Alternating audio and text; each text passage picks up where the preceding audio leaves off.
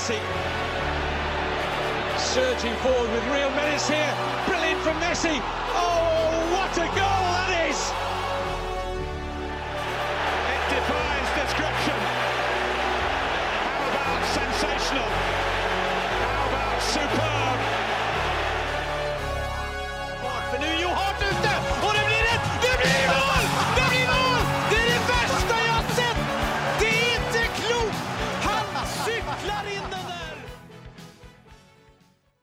Ja da! Da var vi tilbake, og velkommen til uh, fotballpodkasten 90 minutter. Vi sender live fra Slattum i Norge, og dette er episode Hva er det? 203? Tror det, ja. 203 eh, av den eh, særs mektige fotballpodkasten 90 minutter. Med meg i studio, Mats Granvold. God dag. Og eh, som dere allerede har hørt, eh, Søren Dupker. Hallo, hallo. Dupker. Det var en vri. Ja, ja, ja. Ja. Åssen går det med dere? Det går fint. Så akkurat ferdig på sommeravslutning, så da har jeg ikke flere barn igjen på barneskolen. Tror jeg. Oi, oi, tror jeg. Som jeg, som jeg vet om. Så det var det kapittelet over. Ja. Kommer en ny, vet du. En eller annen gang. Eh, mest sannsynlig Høyst sannsynlig nei, det gjør ikke det. Tror du har barn? Altså, Du tror jeg har barn, ja? Tore på sporet er din verste fiende. Hver gang det ringer på hjemme hos meg, så krysser jeg bare fingeren. Å, ikke vær Tore, ikke vær Tore. Ikke åpne opp! Ikke åpne opp! Det kan være Tore! uh, nei, det er, det er ikke med. Nei. nei. Eh, hva med deg, Defker? Tror du du har noe trøbbel med Tore på sporet? Nei, det tror jeg absolutt ikke at jeg har. Veit du hvem Tore på sporet er? Ja, det er ikke det han duden som finner litt sånn familie fra folk som ikke helt vet hvem familien er? Ja, jo. Det er helt riktig. det. Folk som har vært rundt og lagd unger, og så plutselig får de dem på døra. Ja. ja. Spennende. Her er 18 måneders, eh, nei 18 års barnebidrag. Ja. Etterbetales. Her er fakturaen. Ha det bra. Eh, Defker, eh, du var i Bergen, du. Ja, jeg var i Bergen på bortekamp. Eh, veldig fin helg, egentlig. Uh, ble jo også en uh, ålreit kamp til slutt. Tok med så med ett poeng fra Bergen, det var jo hyggelig. Ja, det var mer enn forventa. Ja, faktisk. Uh, så jeg var egentlig veldig fornøyd med helgen. Var jo da fra lørdag til ja, mandag på dagen. Ja. Heldig med og generelt en veldig fin tur, selv om det var selvfølgelig sårt å gå glipp av live-opptredenen. Ja, mens uh, Mats Giralvold, Paul Thomas Clay og, og, og undertegnede, vi holdt uh, show i uh, det gamle biblioteket. Det Ny, ny erfaring. Ny erfaring, ja. Det, det, er, det der, der er litt sånn spesielt, da. Se helt i starten der. Ja, eh, det, det var ikke som å sitte her. Nei, det er det jo ikke. Sitter jo folk og hører på, som du kan se rett i øya der, som du ikke veit hvem er. Så det Ante ikke hvor jeg skulle se. Nei, jeg merka du sleit litt i starten, men eh, det gikk veldig bra etter hvert. Ja, det gjorde det. gjorde det. Og jeg følte vi traff bra på, på analysen òg. Mm. Eh, Paul Thomas Clay han satt og prikka meg på skulderen gjennom hele kampen og bare 'Det sa vi jo! Og det sa vi jo! Der har vi riktig, jo!' Altså, det er åpenbart at, eh, at vi traff. eh, Eh, nei, i dag så tenkte vi vi skulle gå ja, ikke voldsomt eh, nøye gjennom Champions League-finalen, men nevne den. Eh, vi skal eh, kåre årets lag i La Liga, Serie A og League Ø. Og så skal vi snakke om litt sånn ja, de handlene som er ferdigstilt, og, og svare på noen spørsmål. Good. Skal vi bare kjøre i gang med, med, med, med Champions League? Jeg skal Mats, ja, Er det hymnen min? Mats må jo få lov å trykke på knappen, Det tenker jeg. er hymnen din, det. Ja. The Champions!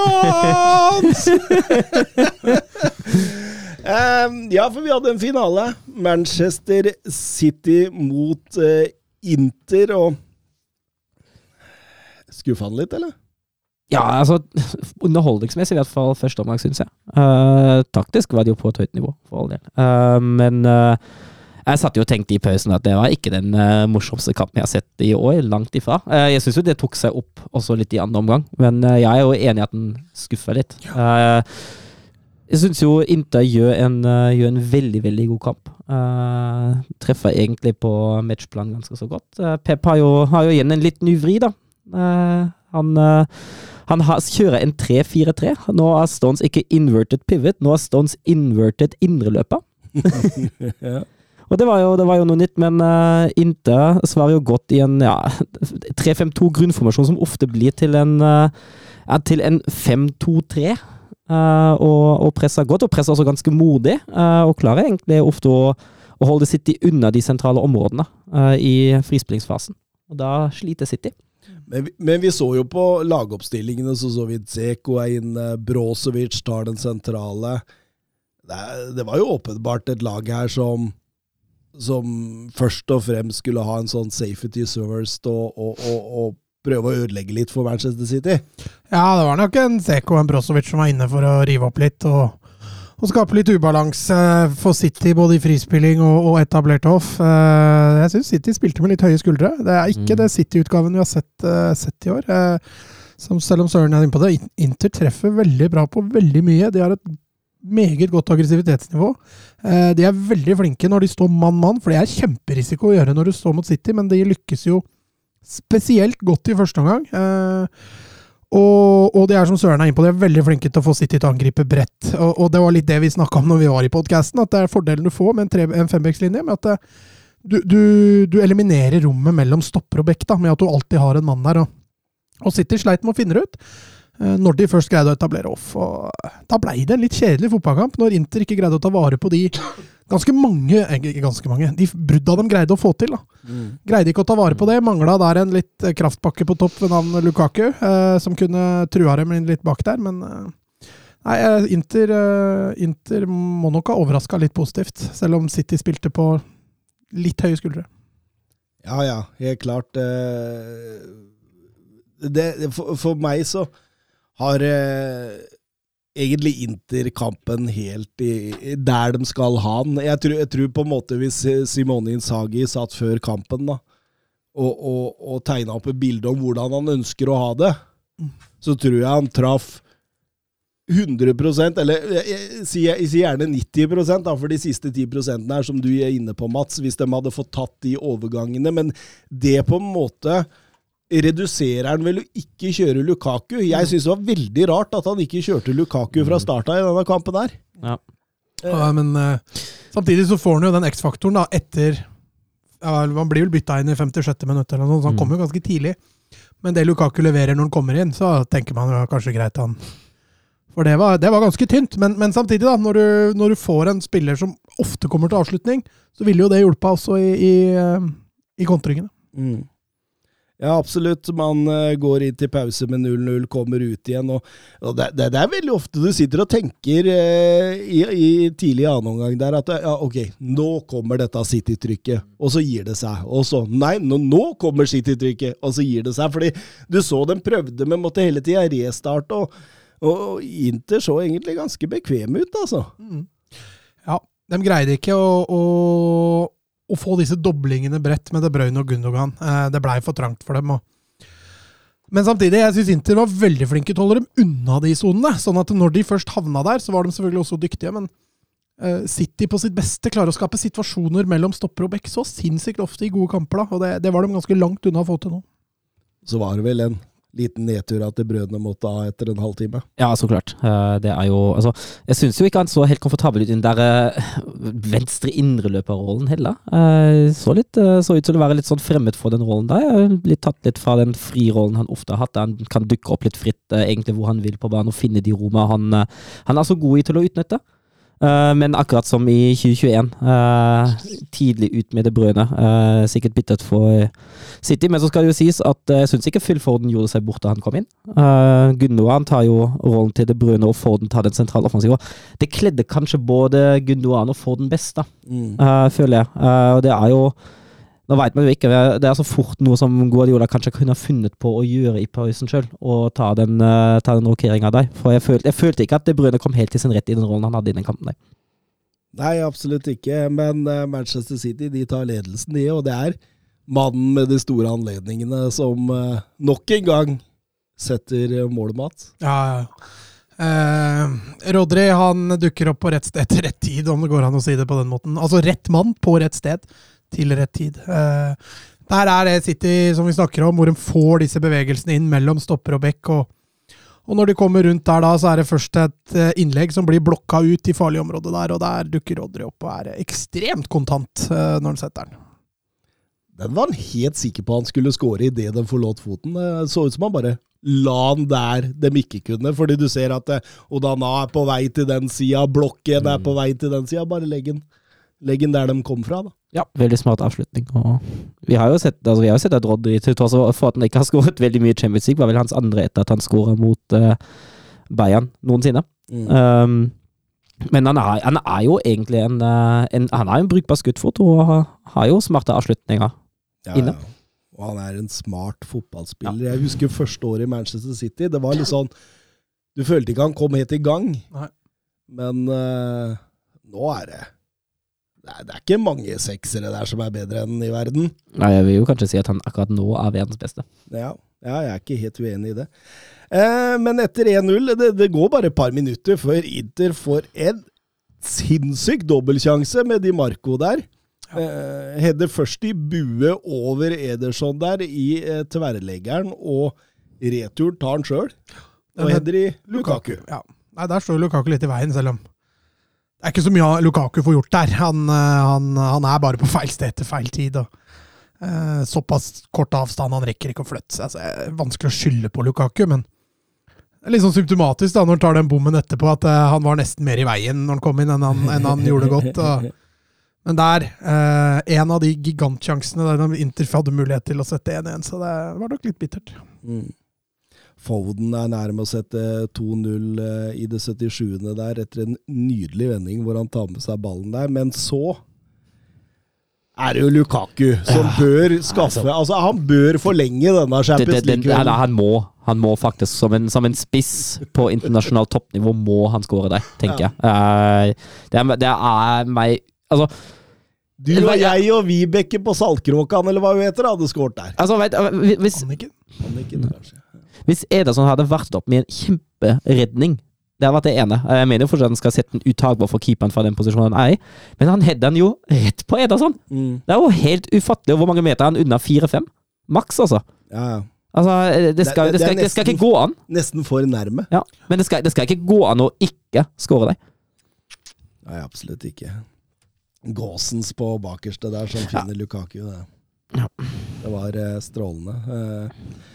Eh, Simone Inzaghi han prøvde jo å rokere litt her og der, og inn i stopperposisjon. Det gikk vel over til en firer bak, i hvert fall tidvis der, og gjorde alt han kunne. Eh, honnør til Inter, men eh, det var vel Manchester City sin tur denne gang. Ja, det var jo det, men, men eh, litt skuffende at vi fikk se et City-lag som var såpass langt unna. og Sånn i ettertid så tror jeg nok Inter kommer til å tenke ganske bittert tilbake, for den kampen her hadde de muligheter til å ta City. altså. Både sånn kampen blei, og, og, og med tanke på inngangen i kampen og sånn, så, så tror jeg nok det sitter igjen med en voldsom tomhetsfølelse når du har prestert bra nok til å, å i hvert fall få ekstraomganger, for det hadde de fortjent. Og så har vi snakka om finalen uten å nevne Haaland. Ja, han var jo borte. Han, eh, og det skyldes jo også altså, den, den rollen Brozovic har da, eh, i den kampen her. Uh, Haaland, li- altså, har jo blitt bedre til å, til å støte inn, uh, men når det blir en såpass strang kamp, og når Brozovic eh, beskytter det rommet foran forsvaret så godt som han gjør, så blir det veldig vanskelig for Haaland å komme til sin rett. Eh, det var ikke noe bakrom, det var City slet med å etablere spillet i, eh, i, høyt i banen eh, og skape rom der, eh, og da en spiss som Haaland er litt sånn, ja. Ja, altså, det, altså Se- eh, hadde jo Han var ute av posisjon flere ganger fordi han hadde ansvaret for Haaland. Mm. Eh, men så lenge det ikke er bakrom, så kan du i en fembackslinje så kan du ofre en mann litt ut av posisjon uten å bli voldsomt straffa for det. Eh, selv om City kanskje burde vært gode nok til å straffe dem, så ble det en vanskelig kamp for Haaland med Aserbi over seg konstant og, og en mur foran seg som ikke klarte å tre gjennom. Så vi sa det vel også på før matchen at eh, dette er ikke Haaland sin type kamp, hvis ikke City får en tidlig scoring. Og når det ikke skjedde, så Men vi fikk jo nok av Haaland etterpå. Han feira jo med Isabel, og det var jo ikke måte på i VG, i hvert fall. Nei, Sånn på, ser Isabel ut. Ikke på Eh, TV2 heller. Vil Haaland juble? Ah, ja.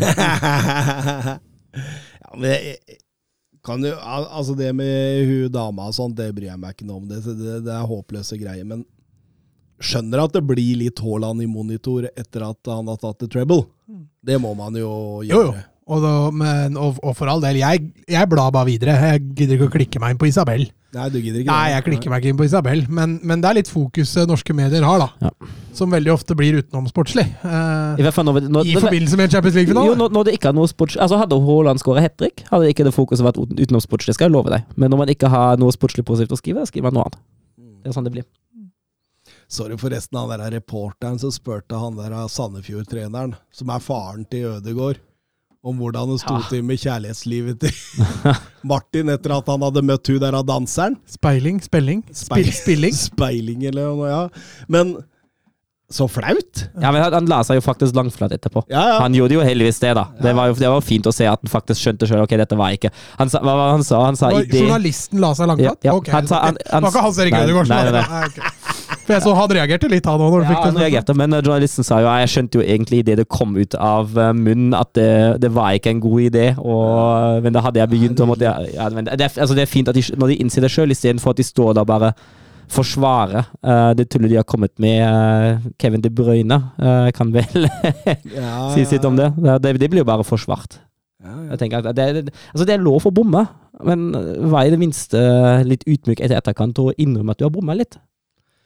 Helt, eh, helt eh, enig. Petter Alseth spør eh, Haaland virker litt ferdig for sesongen. Er det bekymringsverdig mot landskampene? Ja, det er jo det. Uh, og altså, nå har han jo skåra ganske lite de siste kampene òg. Og så har vi jo Jeg, jeg føler liksom at Og det, det følte jeg også da han, da han spilte i Dortmund, at vi ofte ikke har sett den Erling Braut Haaland på landslaget som vi har sett på klubblag. Ja, men Har han ikke skåret bøttevis med mål? da? Ikke på landslaget. Det altså, altså, han ofte, ofte, ofte, ofte skåret i sånne treningskamper mot Armenia og sånt. da Man har jo snart gått forbi Karev allerede. jo, ja, men har hvor, hvor, mange, hvor mange skåringer har han hatt i viktige internasjonale kamper? Altså, eller Altså, jeg er ikke bekymra. Det. han har såpass mental styrke, og jeg tror han har litt overskudd. I hvert fall etter et par dager på Ibiza, så tror jeg nok uh, eh, overskuddet er der. Uh, og en Haaland uh, i form ville jo kanskje vært viktig vassere, men Haaland er så sterk mentalt, tror jeg, at eh, han er nullstilt når den kampen begynner. Eh, og det er klart, Haaland er jo også, av, er jo også avhengig av et lagkameratene fòrer han, eh, men eh, jeg tror fort vekk han uh, skårer et eh, mål eller tre i løpet av den pausen her. ja. Ja, han har 21 mål på 23 landskamper. Det er jo, det er jo strengt tatt bra. Det er ikke gærent. Det er ikke gærent. Og så han, han, han bøtta inn uh, i, i Nations League, da. Det skal sies. Jo, jo, men det, altså, du får jo ikke Nei, nei, nei. bøtta inn andre steder enn so der I, du I, stand, I, så- I stand corrected. Eh, ja, jeg ser Karev har eh, 24 på 91 kamper, mens eh, Haaland har 21 på 23, så det, Du må jo si han har skåret litt der òg. Jørgen Juve har vel 34, så han eh, Den står for fall. I. I løpet av et par år så er nok den eh, slått, ja. Nei, men altså, jeg, jeg tenker jo at eh, grunnen Altså, han er ikke ferdig for sesongen, Haaland, men han har møtt mange gode forsvar som, og mange gode taktikere den siste tida som har lært seg å stoppe forsyningslinjene mot den. Og jeg, jeg kommer til å score i denne landslags eh, weekenden her. Det er ja altså, Norge de siste kampene har jo vært fryktelig kjedelig. Ja. Og vi har slitt offensivt. Oh, ja. eh, mot Georgia skaper vi ikke veldig mye. Eh, mot Spania taper vi jo 3-0, selv om vi leverer der en OK landskamp. Eh, og dette, alt dette skjer jo uten De kampene ble spilt uten Haaland. Eh, og, og det jeg frykter med disse landene, er jo at Sørloth blir spillende på kant. Mm. Og da, Det er jo en forsyningslinje til Haaland som blir borte, da. Ja. For Sørloth er jo like kreativ som eh, Ja. Så An Annika i Saltkråkan. Var det Anniken vi ble enige om at Ja, det var det ikke? Ok. Skal vi, skulle vi ha funnet Nei? Tjorven! Ja, det er jo bikkja, er det ikke det? Ja, det kan godt hende.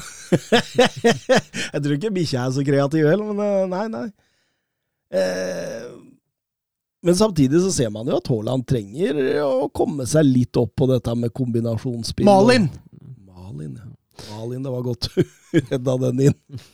Ja, det, det gjør, og det gjør han jo absolutt. Og det har jeg jo egentlig sagt uh, gjennom hele sesongen nå. Jeg syns han har blitt flinkere til å falle tilbake i, uh, i forsvaret og fungere litt bedre feilvendt i løpet av det året nå i City, men han er ikke da han uh, han helst skulle være. Men altså, klart han er jo ung, og at han har noe å gå på der, det, det er litt som det er. Uh, men det er jo et problem nå et lag som Norge ikke har de samme forsyningslinjene som Manchester City har. Uh, for Haaland er ikke den spilleren som nødvendigvis skaper ting på egen hånd. Han er jo helt avhengig av å bli fora.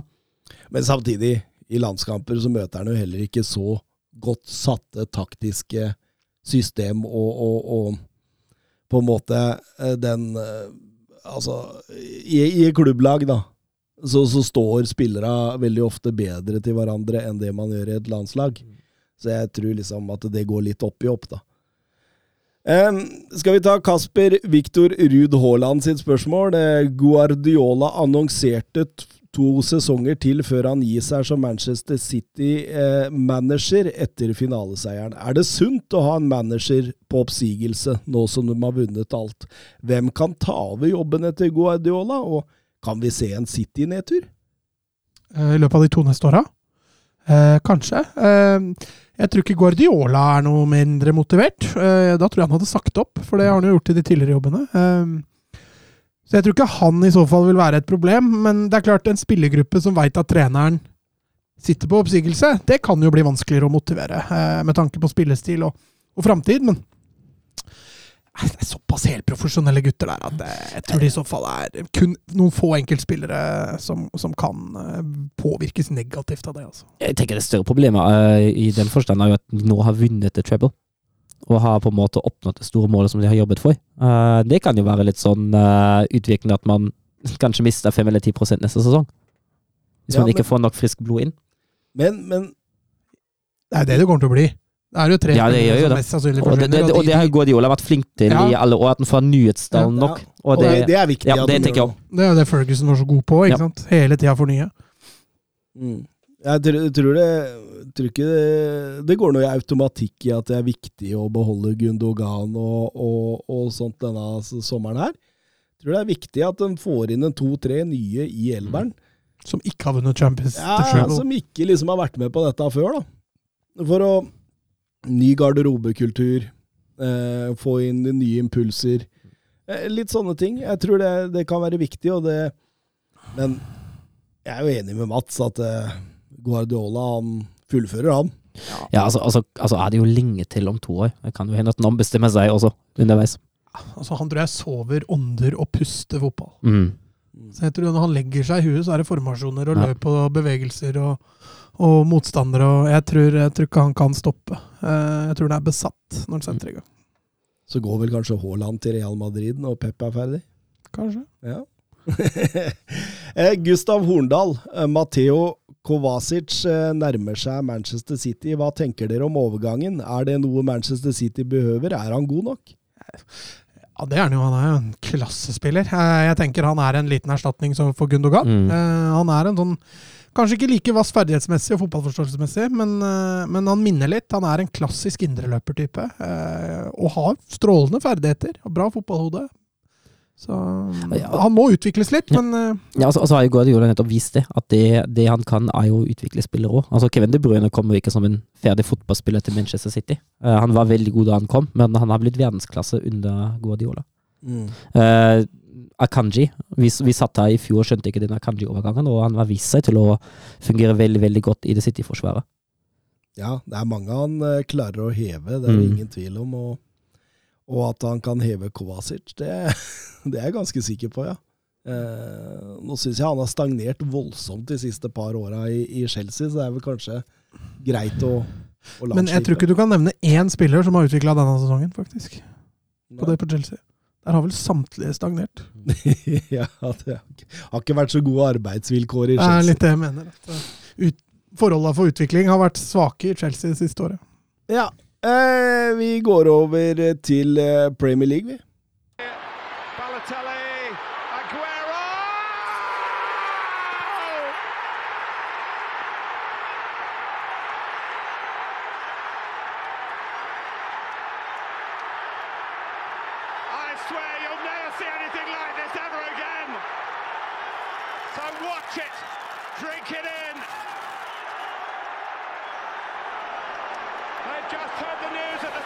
Ja, i Premier League så har det begynt å handles allerede. Vi har jo vært innom at eh, Joao Pedro går til Brighton. Eh, Vi har vært innom eh, Mark Flekken og hans overgang til Brentford. Men nå, nå kommer Alex McAllister til Liverpool for kun 42 millioner euro, som tilsvarer noe som 35 millioner pund. Det var, det var en pris! Røverkjøp, tenker jeg. Eh, da, da har de kjøpt inn eh, klasse til forholdsvis billige penger. Ja, med tanke på at Bellingham gikk for 120, så Ja. det er en meget god signering i forhold til pris, hvis vi sammenligner Bellingham kvalitet og pris, da. Mm. Eh, litt, an, litt forskjellige spillertyper, kanskje, men, men allikevel kan de utfylle samme rolle òg. Så Ja, og det er akkurat sånne signeringer Liverpool må ta når de har lyst til å fornye troppen i stor grad den sommeren. her. Første ryktene gikk på 75 millioner, og da tenkte jeg Da hadde det bare vært like greit å kjøpe Bellingham, Ja, tenkte jeg. Legge på litt på den prisen, så jeg skjønte ikke den, men når, når, når da øh, det blir bekrefta 35 millioner pund, så er jo det altså eh, I dagens marked så er jo det er, det er, det er et godt stykke arbeid av Liverpool, rett og slett. Ja, det, er jo, altså det er jo en etablert Premier League-spiller. Det er en argentinsk verdensmester, en landslagsspiller i Argentina, som har vist sine kvaliteter. Uh, I en posisjon du virkelig ja, behøver noe. yes. Eh, så det, dette har meget godt handlet av Liverpool, og smart forsterket. Men det er jo ikke noen klausuler der. Nei, ikke som jeg kan høre. Nei, det- Merkelig. Ja, den, jeg, jeg, jeg syns Det er bare en sportssjef i Brighton uh, vurderer posten sin, altså. Ja, ellers så er jo Brighton Jeg veit ikke om de er Altså, de, de selger jo noe hver eneste sommer. Det kan godt hende at de selger seg inn ved å si at vi kommer ikke til å stoppe store overganger hvis dere virkelig har lyst seinere. Ja, altså, altså, Kan godt hende. altså, jeg husker ikke hvor lenge han har kontrakt igjen, men uh, med kort kontraktstid igjen, så blir det naturligvis billigere. Jeg tenker jo en, Alex, en McAllister fint har en verdi som er høyere enn den. Ja, Og de kunne fortsatt solgt den. Mm. ja. ja. Nei, altså, jeg bare tenker det kan være noe bakteppe der som, som er årsak.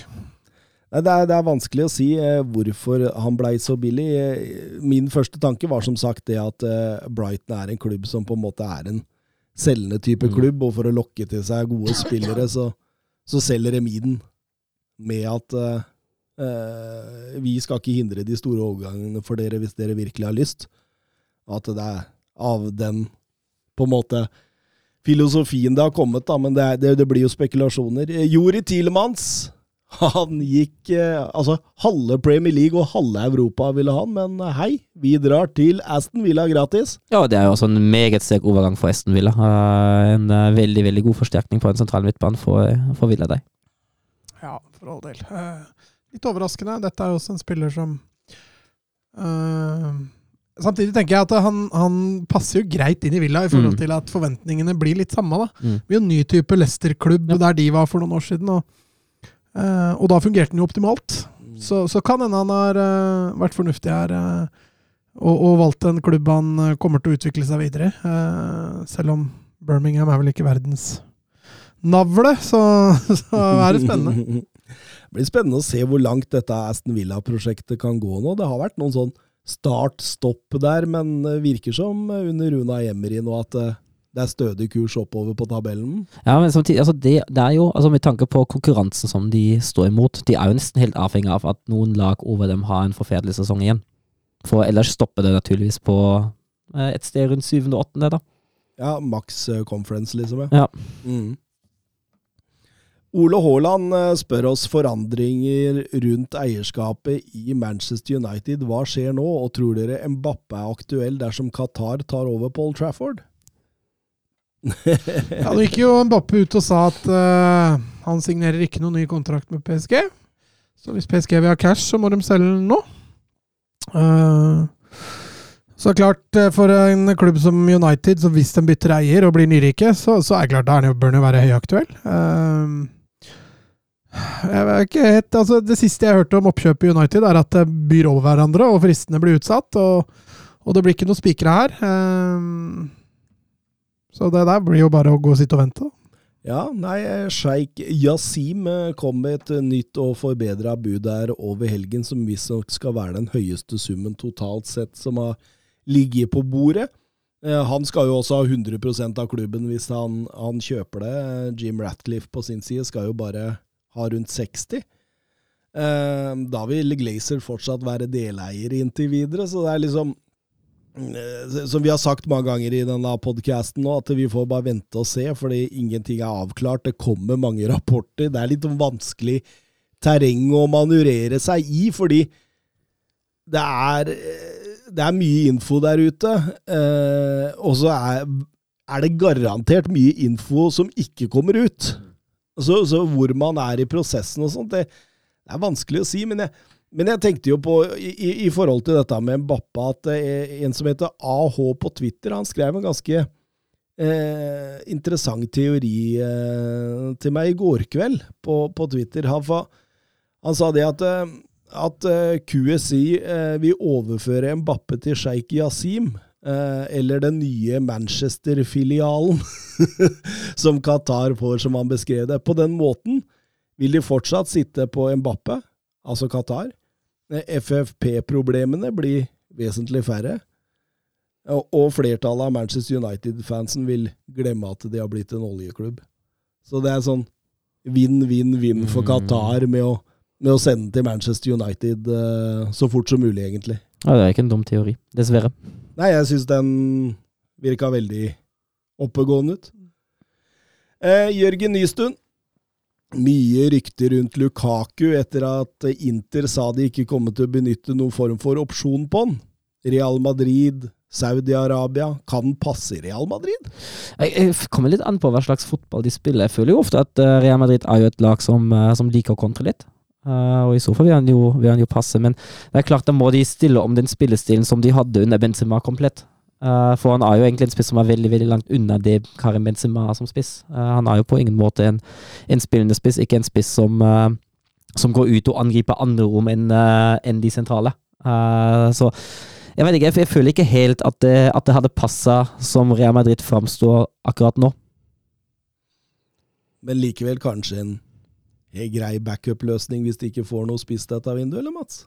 Ja, jeg tror, jeg tror ikke det er så dum tanke. Eh, Det er som Søren er inne på. Han, blir- hvis han kjøper den for å erstatte Benzema, så går han på en kjempesmell. Eh, Men at han kan være en midlertidig løsning da, til f.eks. Haaland blir mer aktuell. eh, Hvis de skulle greie å få inn en Ossimen eller, eller noe lignende, da, så, så kan heller Lukaku være en backup. Men eh, jeg tror Skal du kjøpe en ny fast nier for et par år framover, så tror jeg ikke Lukaku er riktig valg. Nei, han er jo godt uh, Han har vel passert 30 der nå. Saudi-Arabia lurer i det fjerne. Det kan være en løsning for Chelsea, da. Ja. Å skippe til Saudi-Arabia, for det er jo ikke noe europeiske klubber som har, gidder å, å splatte penger på dette. Nei. Um, Petter Martin Støvland. Jeg hørte i en podkast de snakka om at Tottenham var ferdige nå. At de kunne se for seg midt på tabellen eller godt under. Er det en reell fare for det, og hva tenker dere om spillere de blir koblet til? Harry Kane-sagaen, Poste Koglu, en helvete sommer, skriver han. det var voldsom krisemaksimering Ja. da, eh, under midten på tabellen. det, det synes jeg var litt i overkant. Altså, det er jo nå, nå skal man ikke glemme at Tottenham altså, Ja, sesongen nå har vært svak. Uh, og utgangspunktet for vinduet er jo ikke den beste sammenligna med de andre toppklubbene man konkurrerer mot. da. Uh, men det sitter tross alt en god del altså Nåværende tropp er ikke dårlig. Eh, og det sitter en del økonomiske muskler der, tross alt, og en del stålkraft. Det er tross alt en, eh, en av de største klubbene i England sentralt plassert i London. Uh, det skal man da ikke glemme. Og altså, Det er jo alltid en risiko å se Chelsea òg, at man har en dårlig sesong. Eh, men å permanent svartmale det her nå, uh, det ser jeg ikke helt, altså. Jeg mener at Tottenham har et brukbart utgangspunkt foran neste sesong. Jeg syns det er veldig veldig spennende med den nye manageren. Vi får se. Eh, det er alt, Men de må treffe nå. de må treffe. Jeg er enig i det. De må treffe. Eh, Skulle det bli nå en ny dårlig signering på trenerfronten, og de starter skeivt ut igjen, så begynner det jo å se litt Der begynner, der begynner vi mørkere ut. der, ja, men det, og, altså, At det er en fare der, han spør jo det. Uh, ja, det er selvfølgelig er det en fare og en mulighet, men uh, det spørs hvor stor sannsynligheten er, da. Ja, jeg har relativt god, eh, god følelse om Tottenham eh, denne sommeren. Og Eh, David Raja virker å være på vei inn nå. Eh, en strålende keeper. Eh, må bare bli enig med Brentford nå. Jeg så Brentford var ute og sa det at prisen er såpass stiv fordi de får både en keeper og en tier. så, så god er han med, med beina. Det, det skal, altså Brentford har jo henta inn hans erstatter allerede i Mark Flekken, så det skal jo være mulig å komme til enighet med dem. Ja, ja, helt klart. Forsvaret må forsterkes. Eh, Laporte eh, og Max Killman er vel de to Poster Koglu aller helst ønsker seg inn som stopper, eh, Mats. Ville det vært noe? Ja, ja. Laporte er jo fortsatt klasse. Det er bare litt City-systemet som og, og selvfølgelig konkurransen som gjør at han ikke har spilt mer i år enn det han har gjort. Og, og litt skader, selvfølgelig. Men en Laporte inn der som er motivert og klar for å ta opp kampen, vil jo bli en kjempesignering. Eh, en venstrebeinstopper som er bra med ballen, god pasningsfot. Jeg tror det, det blir veldig bra. Eh, Max Killman ja, eh, har jo vært blanda hell å hente hva skal vi si, litt spillere fra ikke øverste hylle, da. Hos Tottenham, som har greid å utvikle Deli Alley til å bli fantastisk, og, litt vice versa motsatt andre veien også. Det kan, kjenner jeg kan bikke begge veier. Ja, men, altså, man ser jo liksom hvilke type stopper han vil ha inn. da. Uh, man ser jo at han er litt sånn opptatt av det der frispillingsgreia bakfra, at han trenger, som Mats er inne på, de stopperne som er litt trygge med ballen. Uh, og det er jo veldig spennende, det lover jo veldig godt. Han ser ut til å ha en klar plan om hva han vil ha. Uh, og så er det klart, når du, når du handler inn en rapport, uh, og med tanke på den sesongen til, som til Tottenham tross alt har vært, der. altså eh, man må nesten hente inn litt sånne spillere òg, da, Uh, som man kan utvikle. Uh, man får ikke nødvendigvis alltid alle spillere fra den øverste hylla. Uh, med det utgangspunktet man har nå, så Nei, og Max Gilleman er jo et kjempetalent. ja, jeg er helt enig. Så jeg tenker jo at det er smart å hente den type spillere nå, særlig ved siden av en erfaren rapport som er veldig, fra Manchester City, veldig kjent med en lignende spillestil som den eh, som Tottenham etter all sannsynlighet nå kommer til å praktisere, eller ønsker å praktisere. Mm. Så Harry Maguire var Han var nevnt òg. Nei, det kan det, Altså Altså, hvis det hadde skjedd, da må jeg slutte i podkasten. Tenk å hente Phil Jones gratis, og Harry Maguire. Men altså, hva, hva skal man? Altså, hvis man skal frispille bak, hva skal man med en Harry Maguire? da? Nei nei det er, jeg har ikke sett noe sånne store seriøse på Nei, det. det Men uh, nei. Eh, må kanskje ha en indreløper eller to. Eh, James Madison blir hyppig nevnt. Det samme gjør James Ward Prowse. Eh, en kantspiller ved navn Jaden Sancho blir oftere og oftere nevnt nå. Jeg, jeg ser jo at altså, det går litt sånn i det som Tottenham manglet, nemlig kreativitet. Uh, og det er veldig fornuftig at uh, det Tottenham-laget i fjor manglet kreativitet. Vi snakket lenge om denne tieren som Eller den kreative midtbanespilleren som aldri kom til slutt. Eh, man henter jo inn Bizuma og, og Gjeng Dei, eh, som var litt sånn den lignende altså det sånn, Ikke helt den kreative typen man trengte. Og den feilen ser man nå ut til å ønske å utbedre, og det tenker jeg også er lurt. Det blir veldig spennende å se hvordan han tenker og setter opp dette Postekoglu. Han så et intervju med han hvor han sa det at eh, vi skal underholde, vi skal begeistre, og det skal være eh, altså underholdende å se på. Det, skal, så, så det er åpenbart at eh, det er en kar på en mission her. Det er å få Tottenham-supporterne til, til litt tilbake, Mats. Nei, altså, altså Det å underholde publikum, der har han jo veldig liten valghøyde da. For det Hopper er ikke etter du vilkårene, si. Altså, det, de to forrige hopper du ikke etter, faktisk. For det Tre-. Ja, tre, Ja. faktisk. Eh, hvis vi ikke regner med Mason, så Så er det klart det at filosofien nå eh, blir litt annerledes igjen. Så skal det bli spennende å se åssen- åssen eh, klubb og, og spillere tar, tar forandringene på nytt. Men Tottenham har jo et veldig offensivt lag, så kan jo bli bra, det. Jaden Sancho, kunne han vært noe på Tottenham Hotspur Stadium? Ja, han er jo Han viste jo Dortmund potensialet sitt, så han eh, Der er det snakk om bare å finne rette omgivelser for å få det ut igjen. Eh, Så Tottenham kan helt klart være en være en riktig stasjon. Ja. Fredrik Stjerna, Champions League, godt innafor FFP, har fantasibeløp tilgjengelig. Er det nå Newcastle bør vise muskler? Hvilke realistiske fra øverste hylle ville dere gått for nå? Må, bør de vise muskler nå, Mats, eller vil de bare fortsette å ta steg for steg? Ja, det er et godt spørsmål. De tok jo et kvantesteg i år. Et steg, kanskje to steg mer enn det de trodde de skulle ta. Eh, veldig vanskelig vurdering, fordi nå så er de frigjordet åtte spillere som ikke fikk ny kontrakt og blir frigjort fra Newcastle. Sånn at de er nok klar for en liten opprensing. Eh, så er det klart at jeg tror veien videre kan være å kjøpe én eller to store navn. Men noe mer enn det tror jeg ikke de verken får til eller bør gjøre. Og med store navn, altså ja, de kan prøve seg på en Mbappe eller eller, eller noe i den duren, men øh, øh, jeg, tror, jeg tror ikke vi får liksom fem milliarder ut i løpet av vinteren nå. Det tror jeg ikke. Nei, det Han tar ikke en eh, Todd Boiley, Søren. Nei, det kan jeg ikke se for meg heller. Altså. Nei, altså Mudrik han går jo ikke dit nå.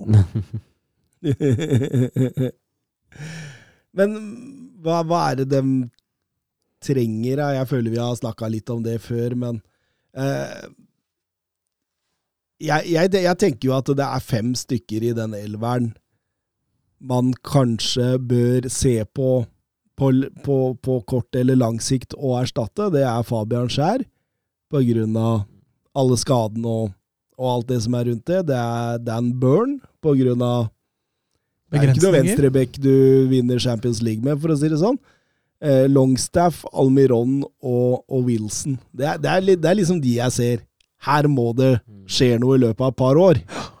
Mm. Og, og så, så må man jo gå inn da, og så se ok, hva, hvor, hvor kunne man finne eh, løsninger nå. Jeg, jeg mener jo det er absolutt mest akutt å få inn en sentral boks til boks. Ja, tenker, jeg tenker jo med en gang Sergej Milinkovic Savic. ja. Mm. Og Han hadde, jeg tror han hadde passa perfekt. Ja, ja, ja, helt enig. Og så kanskje en høyrekant, kanskje en venstrekant. Spørs om Mm. Maximin forsvinner. Det så jo virkelig sånn ut på, på avskjedstalen han hadde i sosiale medier her.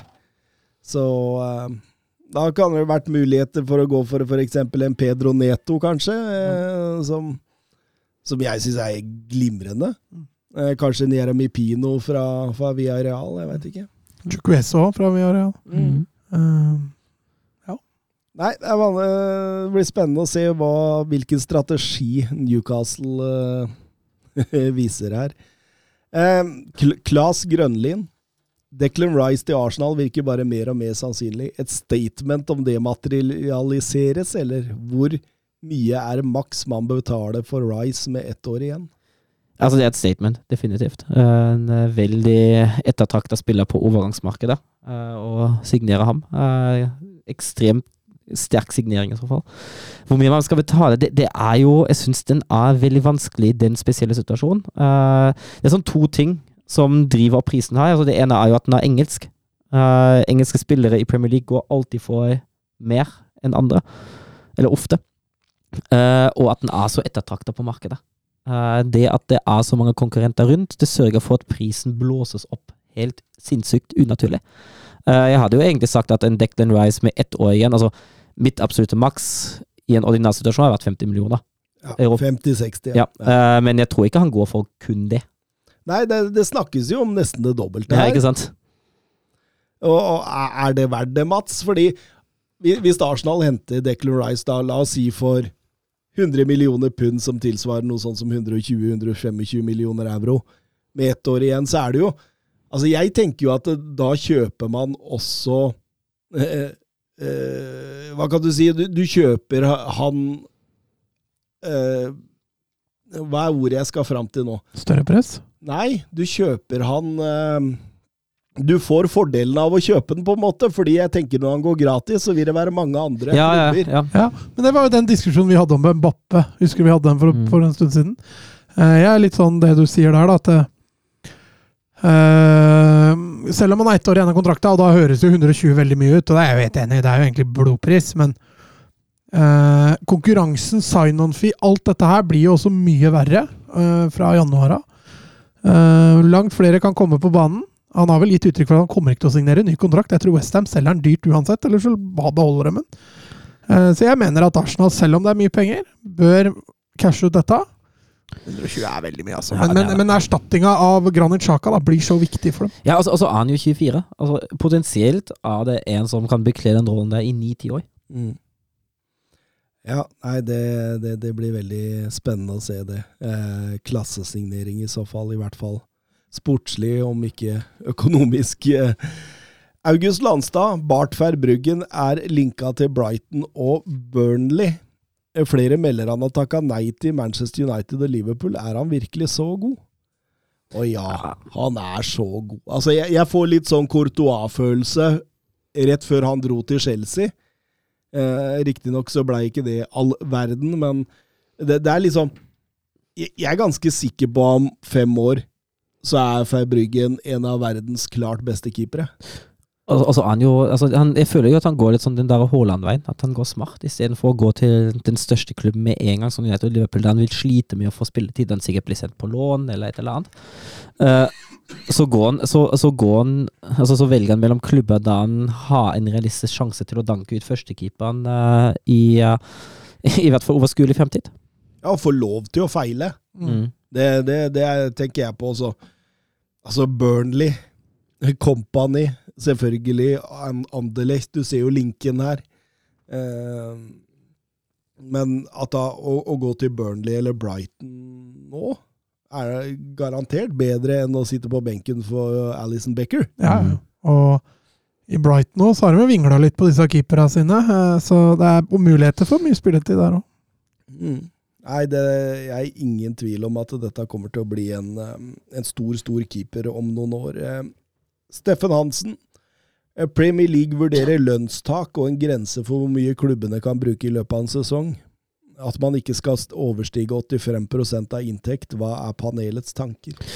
Jeg tenker at, Premier League setter begrensninger til seg sjøl. jeg tenker at det er fint for europeisk fotball, egentlig, eh, om, det, om de blir gjennomført. Eh, og at man da også setter en eh, Jeg tipper jo at det kanskje er en reaksjon eh, på diverse oppkjøp fra, fra aktører som, der man, som man kanskje ikke nødvendigvis ønsker oppkjøp fra.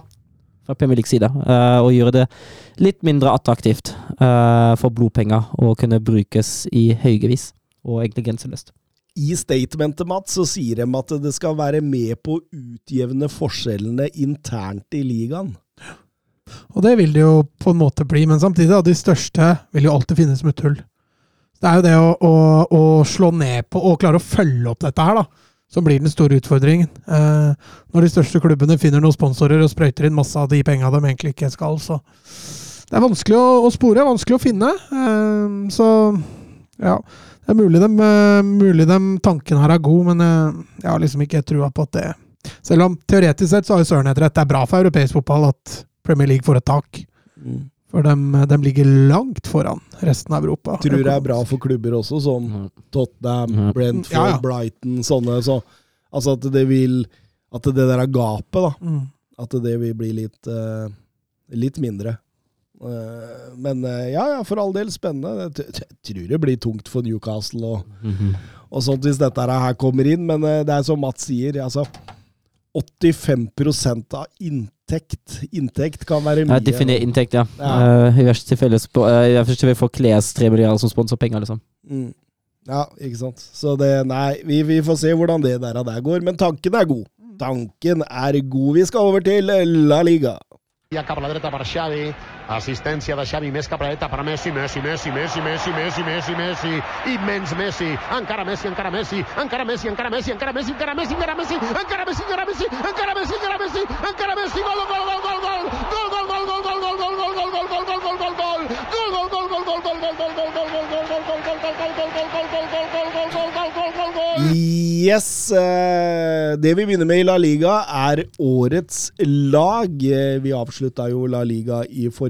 uke, og dermed er det på sin plass å, å, å kåre årets lag der også.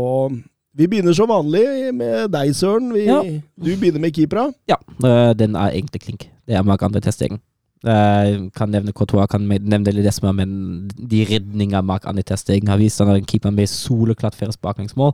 Det skyldes ikke bare et eh, bra forsvar, det skyldes også i stor grad ham sjøl. Det, det, det er klink. Det er egentlig ikke noe spørsmål engang. Du er enig, eller? Ja. Jeg skrev ikke opp noen andre engang. Nei.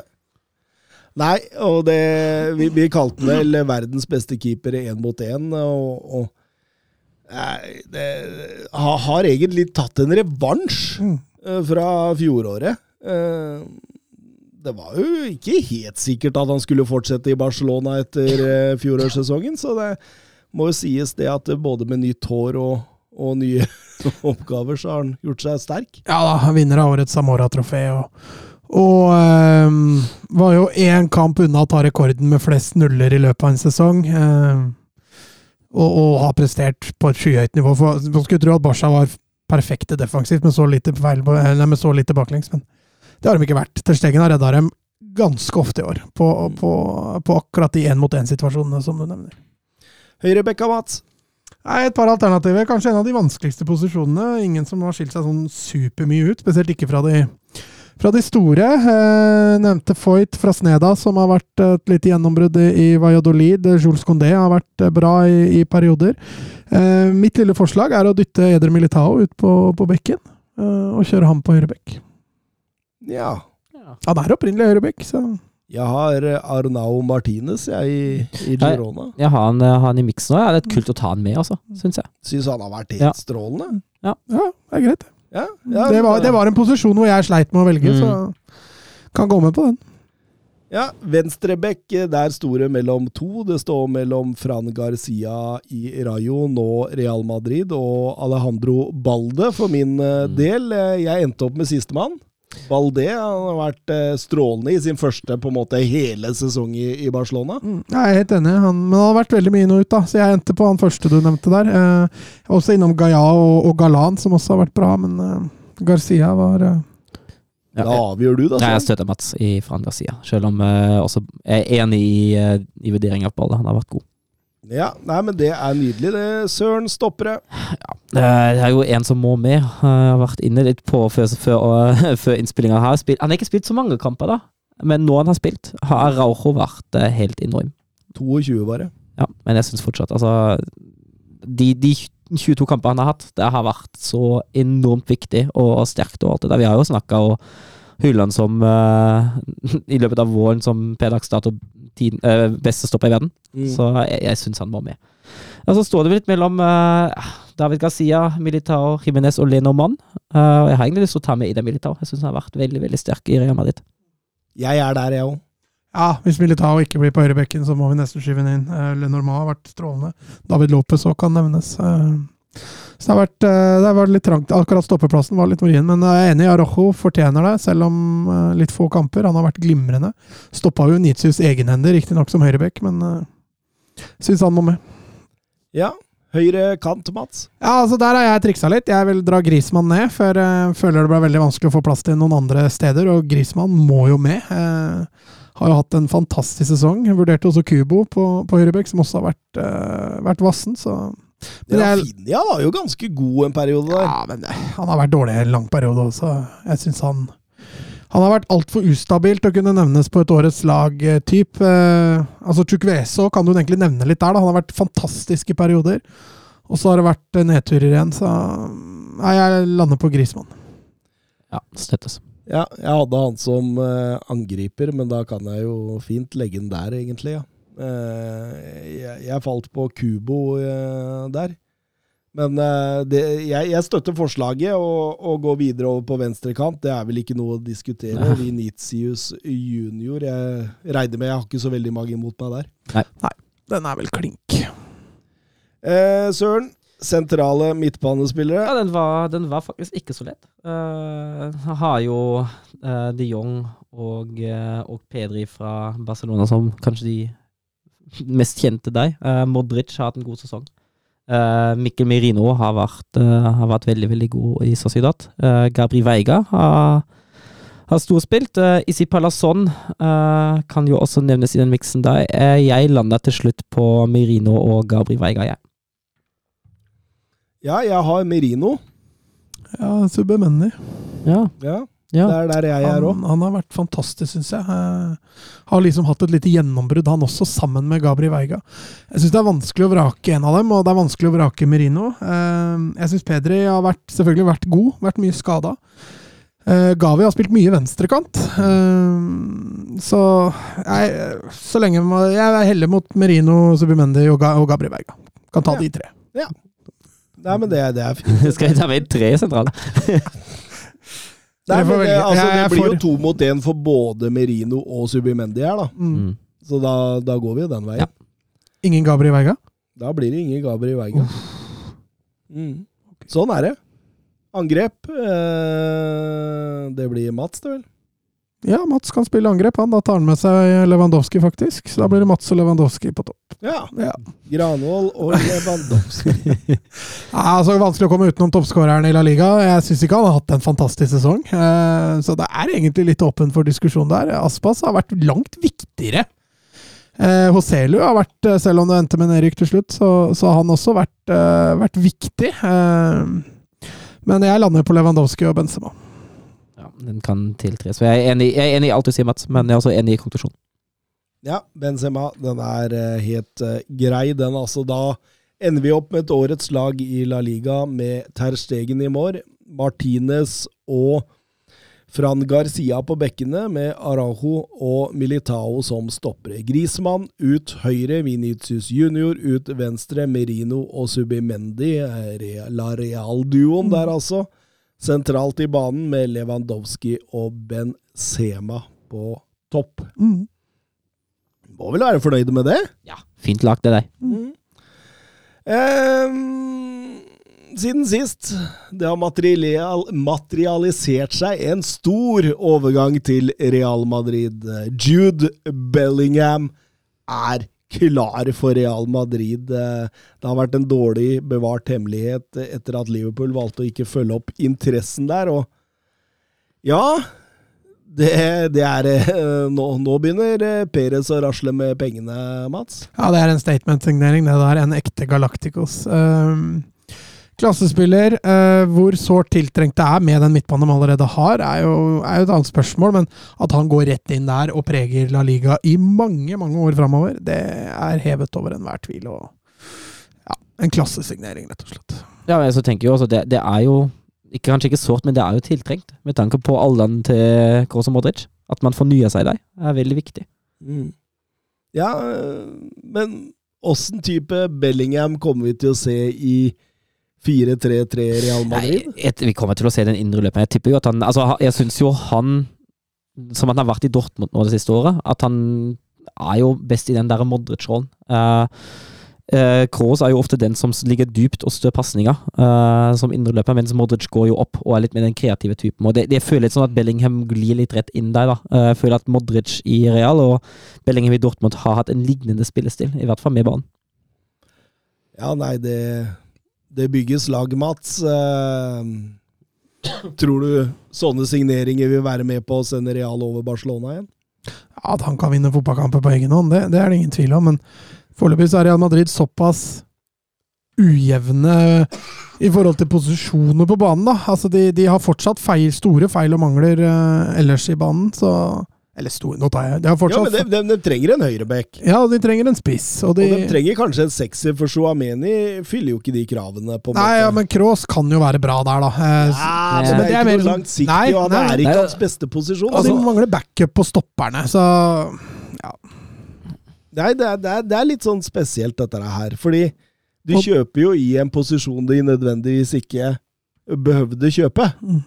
Eh, Men samtidig så var nok sjansen for god til å Ja. ikke benytte seg av den. Og så, og så dekker du et kommende behov i ganske lang tid framover. For Modric altså som sagt, Modric og Crossi spiller ikke evig. De ligger i de siste trekkene nå. Nei, for Bjørn Erik Skorga han er jo inne på det. Tanker rundt Fedeval Verde neste sesong. Hvor skal han spille på banen? Er det høyre kant? Er det høyre bekk? Det blir vel for trangt for den midtbanen. Og er vi, vi i en av de podkastene som har sagt ganske klart ifra at vi syns han er mye bedre ut høyre enn han er sentralt i banen. mm. Eh, men, men, men hvor skal han spille? Ja, altså Han kommer ikke inn på den midtbanen når de topper laget. Eh, aldri i verden.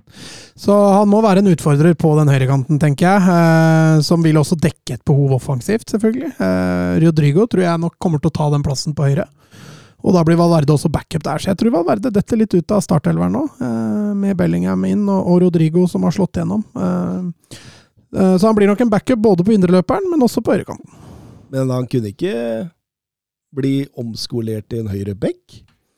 Jo, han kunne jo selvfølgelig det. Offensivt ville han jo vært strålende. Eh, men jeg tror defensivt tror jeg det er, det er litt for mye feil og mangler der. Både posisjonering, én mot én def. Han er bra, rask, han har stor eh, kapasitet. Eh, så han kunne dekka mye, men jeg tror han ville falt litt gjennom i de store kampene.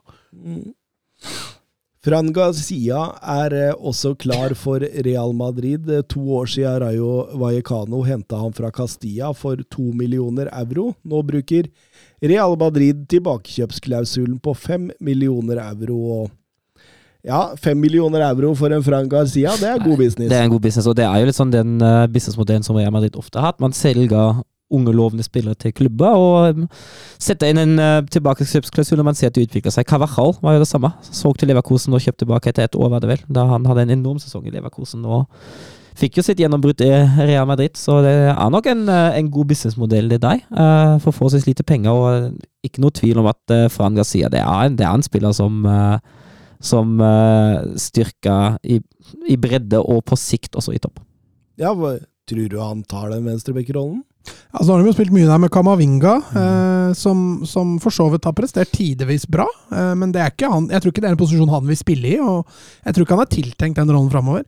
Alaba har spilt der litt eh, fordi han må. Alaba tror jeg vil spille stopper, eh, så jeg, jeg tror ikke det er noe permanent heller. Og Ferland Mendy har jo vært en del skada, så at det er muligheter for mye spilletid der hvis, hvis han fortsetter utviklinga, det tror jeg. Mm. Det er morsomt med sånne egenproduserte som eh, tar stega. Det er ingen tvil om det, selv om Rayo skal ha mye av æren for akkurat denne. Finn Jørgen Halvorsen, Mats Granvold. Hva kan du si om Mikaili Fay, som virker klar for Barcelona? Ja, leste jeg sist nå at han, han er ikke så nære som det kanskje uttrykkes for, da, fordi Barca må selge spillere og sånn. Den får ikke registrert en puck. Så um, er nok ikke så nære som det kanskje skulle framstå, men uh, spennende unggutt. Uh, 2004-modell, tror jeg. Uh, Venstrebeint stopper. Som øh, har ikke jeg fulgt altfor mye med kroatisk fotball, da, så du får bare tilgi meg for at ikke jeg er helt oppdatert på, på, på prestasjoner og sånn i serien, men øh, Lovnadene virker bra. Øh, fysisk robust. Eh, og, og venstrebeinte stoppere, som jeg nevnte tidligere, det, det vokser ikke på trær, så eh, Nei, det, det, det Hva var det vi enige om å kalle det? Altså, det ble ikke varmt i bamsen, eh, men, men, men spennende. Jeg, jeg, jeg måtte inn, altså jeg kan heller ikke skryte på meg at jeg har sett for mye Kustuca Zagreb. Jeg, jeg kan ikke si det, men han, han kom jo dit så seint som i februar, Mm. så han har jo ikke vært der lenge. og så Måtte kikke på noen YouTube-videoer, og så er jeg den første som kan si at YouTube-videoer ofte kan gi et feil inntrykk. Men den aggressiviteten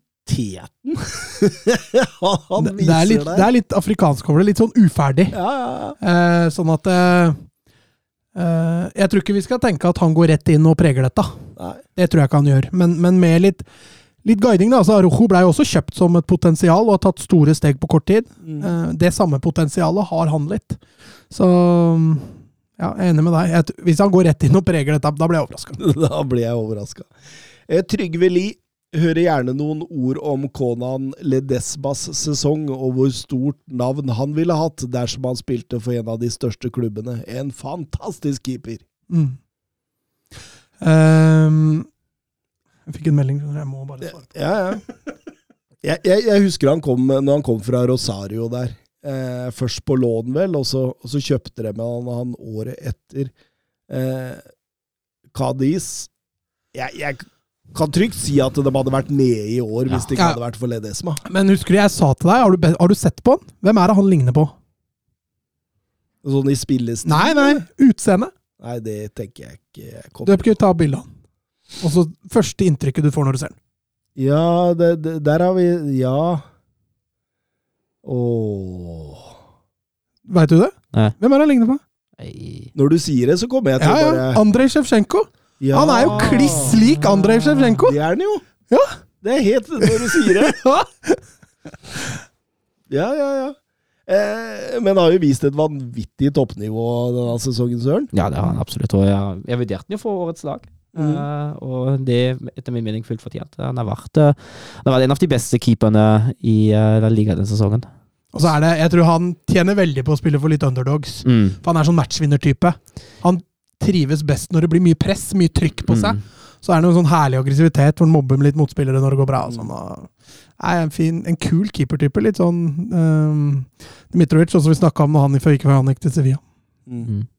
Ja, re ekstremt reaksjonssterk. Ekstrem på streken, altså. Mm. Det, Men, men har også noen tabber i seg, det. Ja, men det, jeg skulle fram til det at eh, blir det for lenge mellom trykket, så kan han bli ukonsentrert, og da kan det skje litt artige ting. Så har han jo fått mye hyllester for det med at han oppdaga denne hjertestansen. Det var vel mot Mm. Barcelona der, hvor han løp med hjertestater over hele banen der for å, å pælme den opp på tribunen. Mm. Det, det, det, det, det er godt, så Ledesma det er, det er en podkast-favoritt, det er det ingen tvil om. Ja, jeg er helt enig. Kult, kulthelt. Ja, det er, han er helt strålende, altså. Eh, vi må en Det blir en liten tur, faktisk, mye, over til eh, Bundesliga. Er macht ein richtig gutes Spiel. Jan Schimonek. Die Wolfsburger lassen so gut wie nichts zu. Grafit. Grafit gegen Lell. Jetzt wird's eine Demütigung. Guckt euch das an. Bist du verrückt? Bist du verrückt? Tor des Jahres. Die Bayern der Lächerlichkeit preisgegeben. Ja, ähm, lite nytt på overgangsmarkedet, egentlig. Eh, Vi har jo vært innom Konrad Leimer til eh, Bayern München, Grimaldo til Leverkosen, Benzebaini til Dortmund og, og Seivaldo Sesko, som, som er på vei, eller er klare for ehm, RB Leipzig. Men det, det kom en overraskende en, i hvert fall for meg her nå. Ja, hvilken tenker du på? Da tenker jeg på en gammel Liverpool-spiller som gikk Ja, til Navi. Keita, ja. Ja, ja, ja. Den, eh, den, er den er jo Altså, vi har jo diskutert den litt på Twitter. Uh, grunnen til at Bremen får signert den, er jo pga. den skadehistorikken. Uh, han har jo vært ekstremt mye skada, som har jo ødelagt veldig mye av hans tid i Liverpool, dessverre. Um, likevel en enorm signering av Fedda Bremen. Uh, og jeg, jeg mener jo, hvis, hvis Keita spiller halvparten av kampen neste sesong, da han er i ja, si 100% da, i 100% kampform halvparten av kampene, da er dette, da er dette meget sterkt. Kommer gratis òg. Ja, Seinan Fie er det sikkert, men uh, det er jo egentlig en spiller som, hvis du ser på ren klasse, er han et par huller for stor for Werder Bremen. Minst. Ja, Minst. minst. Og men, det, men, men, kan de klare å holde orden på denne fysikken da, Mats? Kan grise fly og Ja, historisk sett, nei. Eh, historisk sett så går dette dårlig. Eh, Så har man sett noen få eksempler. Klubber greier å dra folk litt ut av skademareritt, men det er ikke så ofte man ser det, og spesielt ikke på toppnivå, vet du, for det er så store påkjenninger. Eh, Nå er riktignok Premier League kanskje en fysisk liga som, som blir litt tøff for enkelte, men hvis jeg skal komme med et svar nå, så, så må jeg se inn i spåkula og si at uh, jeg tror ikke han spiller halvparten av kampene på 100% nei, men samtidig er det jo en overgang som kan ha viktige signalvirkninger, særlig fordi Bremen har jo to veldig ettertrakta spisser. Uh, Fullkrok har jo vært uh, tydelig på at han kan tenke seg en forandring. Hans spisskompanjong, uh, Dux, har vel, er vel også ikke sikker på om han fortsetter i Bremen. Det er jo sånne overganger som kan, kan virke på en spiller som Dux, da. Som tenker at oi, har vi noe på gang likevel? Ja, kult at han kommer. Kanskje, kanskje er det ikke så gærent å være her likevel. mm. Eh, Så sånn sett kan det også være viktig for, for, for kampen om spillene som er ettertrakta andre, spill- andre steder. Mm. Ja, nei, utvilsomt. eh, Klarer han over halvparten av kampene, så kan det fort bli årets Ja. kjøp i Bundesliga. Ja, Dette jeg er helt enig. For kvaliteten er jo ubestridt. Det er jo en klassespiller når han er frisk. Men, men åssen var skadehistorikken hans i Leipzig? Eh, Ikke så voldsom. Nei. Han var ikke mye skada der. Uh, han gikk jo for, for ganske mye penger til Liverpool, uh, og så begynte skademerret til deg. Ja, ja. ja. Det var derfor jeg sa det at i Premier League kan for enkelte bli litt tøft, da. eh, Både påkjenningsmessig. Så vi ser om han finner tilbake igjen når han kommer til Tyskland. Det hadde vært kult å se ham gjør i, det, så kan det jo bli årets kjøp. ja, det hadde vært kult å se ham, eh, se ham i full blomst igjen. Mm. Men det, det er en kul spiller. Ja, og, og selv om han har vært skada, så har han jo hatt enkelte kamper i Liverpool også, som Mm, ja. han har vist nivået sitt. Så det, det er åpenbart en, eh, en spiller som både er to og tre og fire klasser bedre enn det Verde Bremen er som klubb. Så det Nei, det blir veldig, veldig spennende. Um, Bernt Olav Gjellegjerde Hansen han eh, vil at vi skal sette oss i Thomas Tuchel sine sko. Eh, Hvor ville dere ha forsterket, og med hvilke spillere? Ja, den, den er jo vanskelig. Eh, Det er jo to posisjoner som skiller seg voldsomt ut nå. Eh, Og det er jo spiss, og det er den sentrale dyptliggende midtbanen. Det er de første byggeplassene som Bayern nå har. Eh, og så ryktes det jo eh, en god del stoppere og litt sånn backup-spillere som Masraoui ryktes jo ut. Eh, og da må man gjøre noe der, jo. Ja, Men- Pavar ryktes ut. Pavard Pava Nannes ryktes ut, og Pamikano ryktes, eh, ryktes sånn halvveis ut. Masraoui skal være misfornøyd med rollen sin, eh, og da ryker det fort en del spillere. Ikke at Bayern er sånn misfornøyd med å, med å bygge litt om, tror jeg. Ikke etter den sesongen som de har hatt nå. Um, vi har jo snakket litt om spiss. Uh, jeg tenker en type Vlavic hadde jo vært uh, helt enorm. Uh, for, for en Bayern. Jeg syns han hadde passa. Mm. Hvis man ser hvordan uh, Ting blir brukt, uh, riktignok mest under Nagelsmann, men også litt under Toril, jeg føler at Vlaovic kan fylle den rollen som Chopo mot ting hadde, bare sånn fem klasser bedre. Jeg føler han ligger mer til Bayern-DNA enn det f.eks. Kolomoani Ja, gjør. jeg syns også det, fordi Kolomani altså, Vlaovic er bedre feilvendt. Vlaovic er bedre til å, til å få til å, til å bruke og bryte ned en dyptliggende motstander. Uh, Vlaovic er mer en boksspiller, mer en Lewandowski-type. Mm. Uh, så jeg tenker at han hadde passa veldig veldig godt inn der. Ja, helt klart. Eh, så er det en defensiv midtbane da. Uh, jeg tenker Er Goretzka på vei ut, eller? Ja, vi får se. Uh, han er, jo, han er jo egentlig mer en boks til boks. Han er jo ikke den dyptingen. Det er jo Kimmich som skal, skal høyere opp i banen. Han er ikke helt fornøyd med duellspillet til Kimmich, ryktes det. Han trenger en som er litt tøffere der. Og får man jo se hva man får. Men altså, en som, som jeg har jo tenkt litt på, er jo Brozovic. Jeg føler at Brozovic i det Bayern-laget der, han, eh, han kunne ha fungert utmerket. Det kan- Han er jo god med ball nå, er fysisk sterk. Han holder orden på, på det rommet foran forsvaret. Jeg tenker at han hadde vært en, en knallsignering. Jeg har ikke sett noen rykter. Men, Konrad Leimer, da. Han er jo han, ja, men han er jo Han er jo ikke helt den duellspilleren heller. Uh, han er jo litt som med den Kimmich-typen, da. Uh, og man, man har nok lyst på noe litt mer fysisk. Bayern føler nok at de savner den typen Javi Martinez, den typen Xavi Alonso, eh, som har vært så viktig i de rollene før. Uh, og at man har lyst til å ha litt sånn den typen inn der. Uh, så kan man se, kan man, får vi se om Goretzka er på vei ut. Sabitsa skal i hvert fall ut nå. Uh, Ravenberg eh, ryktes å kanskje sendes på lån, eventuelt selges. Så det, det er nok en del forandringer. Sadio Mané ryker. Ja, Sadio Mané skal jo det, det, Bayern, Bayern vil få han egentlig ut. Ut ifra det jeg har lest, i hvert fall. Så det blir nesten en revolusjon her, Mats. Mats. Og det er jo selvfølgelig veldig spennende ut, ut på utsida. Eh, hva man får inn kontra hva man må miste. Og Bayern må, må jo også tenke litt eh, profitt-tap her, for Mané var dyr. Ja, 30 millioner koster han vel. Ja, Så det er ikke bare å chippe ut han eh, Altså, neste problem nå, altså nå de, de kan ønske seg spillere så ut så mye de vil. Når ikke spillerne sjøl ønsker å gå, det er spillere som sitter på kontrakt. Det er spillere som, spillere som sitter på dyre kontrakter. Eh, de har jo uh, Det er ikke små småpenger som de får i lønn, da. Eh, så man er jo litt avhengig av at spillerne sjøl ønsker å forlate klubben. Og det hjelper ikke å ønske seg Mané ut når Mané ikke ønsker å gå sjøl. Nei.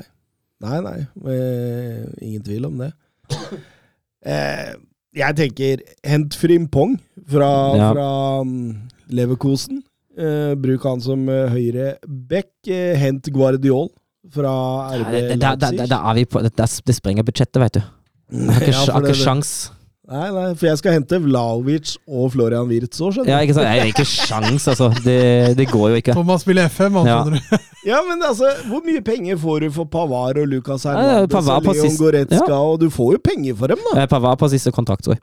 Ja. Uh, Hernandez lurer jeg på har to igjen, tror jeg. Uh, Goretzka har vel, har vel to eller tre. Uh, men Pavard får du ikke så voldsomt mye for, tror jeg. Så kan du selge Gnabry, for han har jo sånn der frynsete rykte nå for tida med festing og Jo, jo, men igjen, altså, skal du selge Gnabry og Mané, så trenger du fort en kant igjen, da. Nå sitter jo bare med Coman og Sané. Ja, og så kan uh, Mosiala spille Ja, jo, jo. til venstre, da. Men Men eh, Bayern skal ha dobbeltdekning ja, på alle. på, i hvert fall på kantene. Komo er ikke akkurat en spiller som har vist seg å være frisk i 34 kamper i en sesong heller. Så det, det er noe med det, da. Uh, så jeg, jeg, jeg tror de må handle litt smart. Og altså, Guardiol med den utkjøps, utkjøpsklausulen som han har, det, det, kan, det ser jeg ikke som realistisk. Det, Høres veldig City ut der for tida. Ja, uh, og Florian Wirtz tipper jeg blir et år til i Leverkosen. Han blir nok ikke solgt nå denne sesongen. her. Leverkosen ønsker å selge Frimpong og Diaby, og det tipper jeg de ønsker å selge til utlandet. Det er nok der de sikter seg inn, at de helst ønsker å shippe dem ut av bondestigen når de først skal selge dem. Det har vært veldig gøy, da, å sette Frimpong og Grimaldo på hver sin wingback. Men eh, kan, jo, kan jo prøve seg på Mickey van de Ven. Eh, Liverpool ryktes, på, ryktes å være interessert Ja. Han har jo vært eh, helt strålende i Wolfsburg eh, denne sesongen. her. Mm. Og han eh, vil koste rundt 40 millioner. Det er kanskje litt mer realistisk. Ja.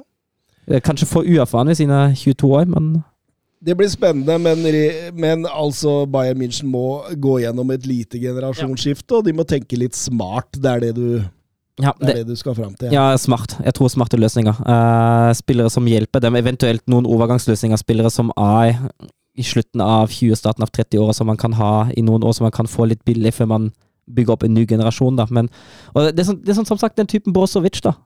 Mm. Uh, som er litt i den alderen, men som har internasjonal erfaring, som er en spiller som, som også hjelper i de jevne, store internasjonale kamper. Synd de ikke var på, på alerten da, når eh, Koku gikk fra Feinor til eh, Benfica. Det er jo akkurat en sånn type spiller du, du beskriver de trenger. Mm. Jeg, jeg, føler, jeg føler det er sånn, en sånn Altså, når de vil ha noe fysisk altså, Declan Rice hadde vært helt enorm, men det kommer Sprenger budsjettet. det sprenger budsjettet, og så har, altså er det jo Det er vanskelig å få Premier League-spillere i sin prime ut av Premier League. Det, det er ingen som helst tvil om. Vi går over til Zeria. Era il marcatore di Cannavaro. Palla tagliata, messa fuori, c'è Pirlo, Pirlo, Pirlo, ancora Pirlo di tacco, tiro!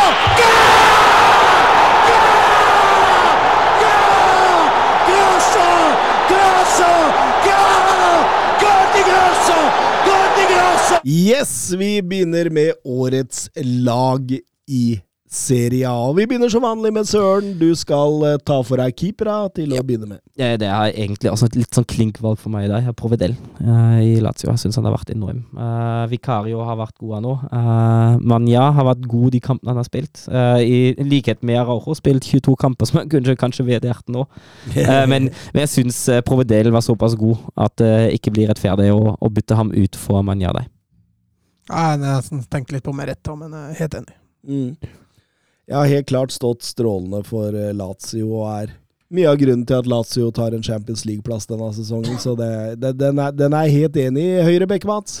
Eh, jeg har vurdert et par. De Lorenzo, eh, Cuadrado. Uh, Danilo òg kunne vel vært nevnt som en høyre back. Uh, har jo vært tidvis ok. Jeg lander jo på Di Lorenzo fra, fra Napoli. Vært en veldig viktig bidragsyter, både dødball og, og offensivt etablert. Uh, så Di Lorenzo fra min side. På grunn av Leao Kvarasjkela-problemet vi får litt seinere, så er kanskje Di Lorenzo den som er mest klink i laget mitt her. Mm. For høyrebacker, det er, det er ikke voldsomt mange av det i, i Serie A som Nei, altså Dumfries, Quadrado altså Det er wingbacker, ikke sant? Som er nesten like mye kanter som de er backer, så jeg er litt enig. Er, og i Serie A er vel ligaens eh, eller fembackenes liga, så Venstrebekk, eh, der eh, sto jeg egentlig mellom to. Theo Hernandez og Mario Rui. eh, Di Marco kom veldig på slutten. Ja, han, han gjorde det. Han kom veldig på slutten, og for så vidt en bra spiller, det. Eh, mer offensivt enn defensivt. Eh, men, men, for meg så er det Theo Hernandez eh, all over her, altså. Jeg syns han nok en gang har en god sesong, selv om han ikke er like bra som sesongen der han vant Scudetto. Mm, Nei, jeg er enig. Jeg landa på han sjøl. Ja, enig. Eh, Stoppere, Søren? Ja, det er jo en som var kling for meg, og det er Kim. Jeg syns han har vært, har vært helt enorm i Napoli. Eh, etter min mening beste stopperen i Serie A den sesongen her. Mm. Uh, og så er det, kan man jo diskutere stopper to. Der er det mye utvalg. Jeg landa til slutt på Danilo i Juventus. Ja. Eh, Jeg Mats? landa på Tomori. Mm, ja.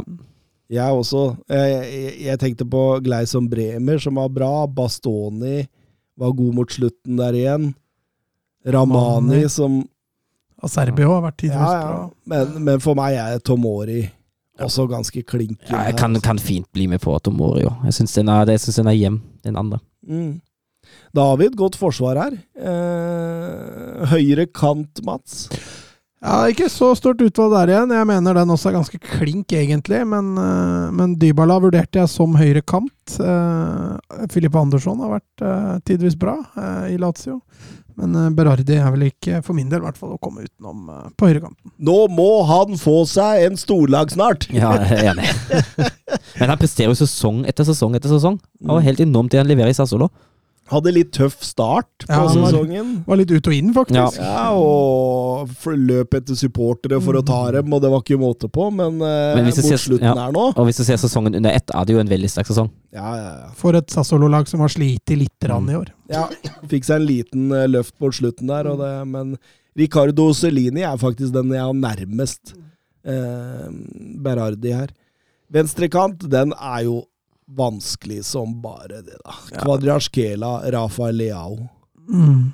Jeg tok med Mata, Matia Sakagni inni der, men det, det er jo bare for syns skyld, for det er, jo, det er jo en av disse to. Og så er det litt sånn Hvem er den beste fotballspilleren? Hvem er liksom jeg sitter og tenker Du skal vel tenke hvem som har best sesong, sett under ett. Ja, ja. Og for meg, altså Leao for all del, har et hvert fall like høyt toppnivå som Karaskela, selv om de er to forskjellige spillertyper. Men jeg mener Karaskela har vært, uh, Ja. vært Jeg- mest solid gjennom sesongen. Jeg er helt enig med deg, Mats. Eh, For meg uh, egentlig er det litt, litt, egentlig litt klarere enn det er. Jeg tror det er for deg, Thomas, at det er Karaskela der. Og så tar du Karaskela ut av Napoli, så tror jeg ikke Napoli er seriemestere, faktisk. Tar du Rafael Tar du Rafael ut. Lao ut av Milan, så tror jeg Milan fortsatt er topp fire. Ja, du tror det? Ja, det tror jeg. Nei, det tror ikke jeg. Det, så vidt de kom innenfor topp fire nå, da var, da var Leao god. Jo, han har, men, han, men han har, vært, han har vunnet enkeltkamper, da. Han har ikke vunnet hele sesongen, på en måte. da. Selvfølgelig, Milan tapt én kamp istedenfor å vinne, så hadde de antakeligvis vært utafor, så du har rett at uh... Jeg, jeg syns den er tøffere enn enn dere, men det, det, det handler litt om sesongavslutninga til, til Kvaratskhelia. Etter at de vant Scudettoen, og i kampene hvor de røyk i Champions League, så syns jeg han var direkte svak. Ja, men jeg, jeg syns ikke vi kan med, ta med Champions League i et Serie A-lag. Nei da, nei da, men det, det er Og- også- også- totalt Og så er det noe med at etter at de vant Scudettoen, jobben er gjort. Det er på en måte greit. Ja. det er to mot én uansett. Ja, ja, jo, jo. Men Så jeg skriv ville, jeg, jeg ville snakke Leao sin sak. Men jeg har ikke noe problem med å snakke om Leao. Han, han fortjener absolutt å nevnes her. Mm. Han Altså, hadde det vært årets lag i La Liga Nei, det er kanskje dårlig Han hadde kommet i hvert fall med høyt opp i samtlige kåringer, da. Mm. Fikk en plutselig Venitius. Ja, jeg tenkte at det var- det er ikke sikkert han hadde fått plass der heller. Eh, sentrale midt, Ja, og da har vi jo mye utvalg òg. Pellegrini, Cianolo, Benazer, Lobotka Vi kan til og med nevne Rabiot. Eh, Dybala, Zielinski, eh, Kopmeiners, Barella. Eh, jeg endte opp på Sergej Milinkovic-Savic eh, som den ene, og Lobotka på den andre. Ja. Der er jeg faktisk klink enig med han.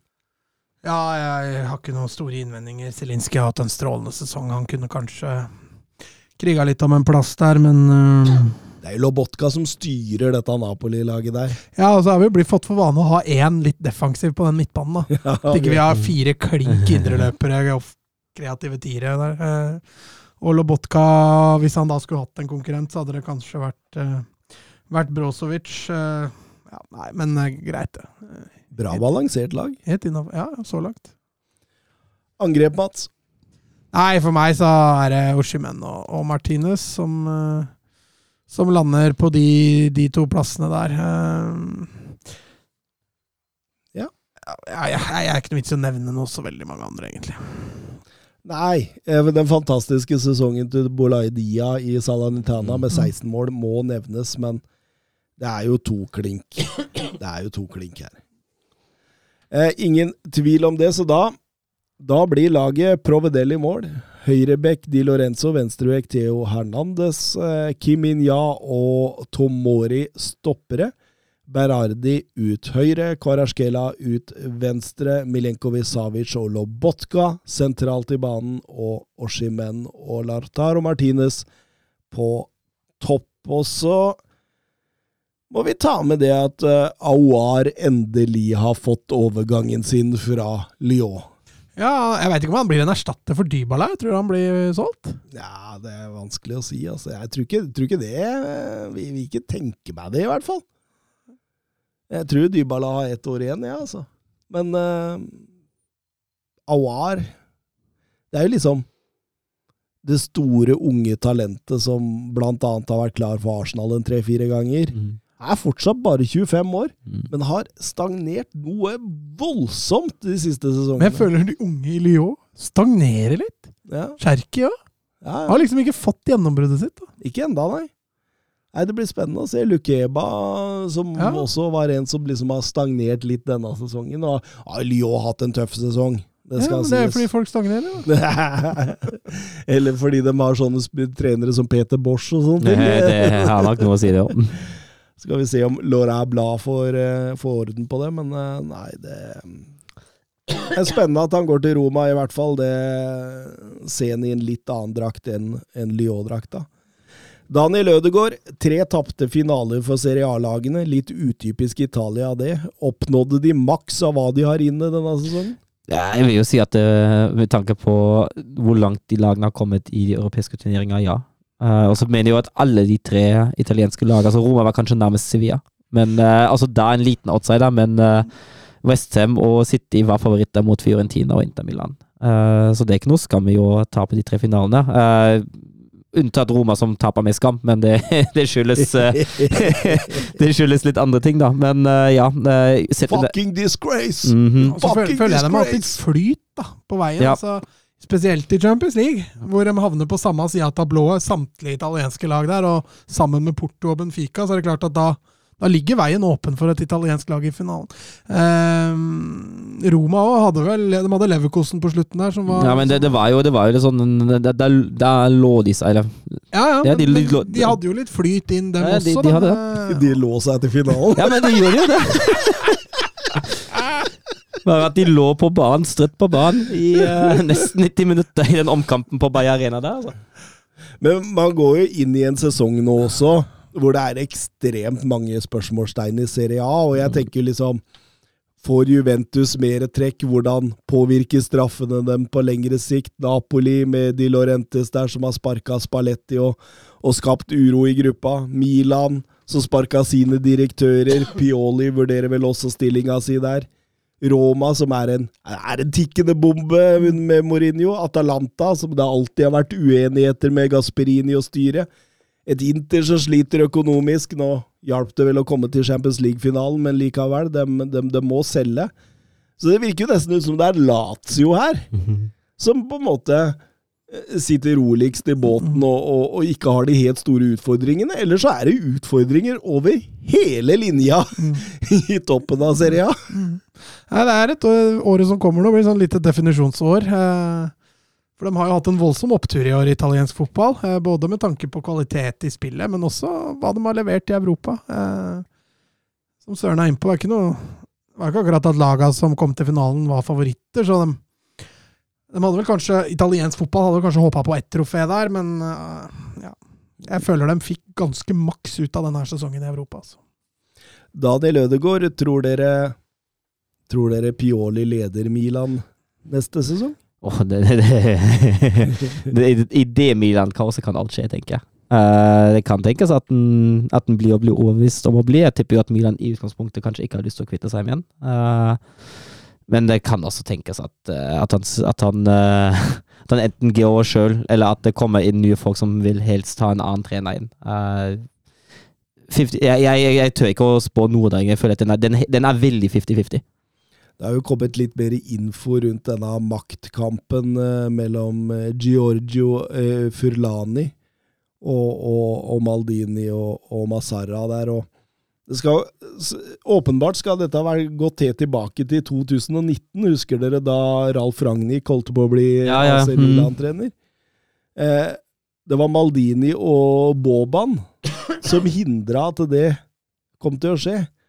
Og etter det så har Furlani vært Mannevond. ja, har ikke, har ikke vært så lett å ha med å gjøre i forhold til det samarbeidet der. Og, og Pioli han var godt backa av Maldini, så Ja, derfor da, da kan det fort hende at den ryker, ja. Ja, så det, det, det, det er litt sånn det er, det er noen åpne spørsmål der. Mm.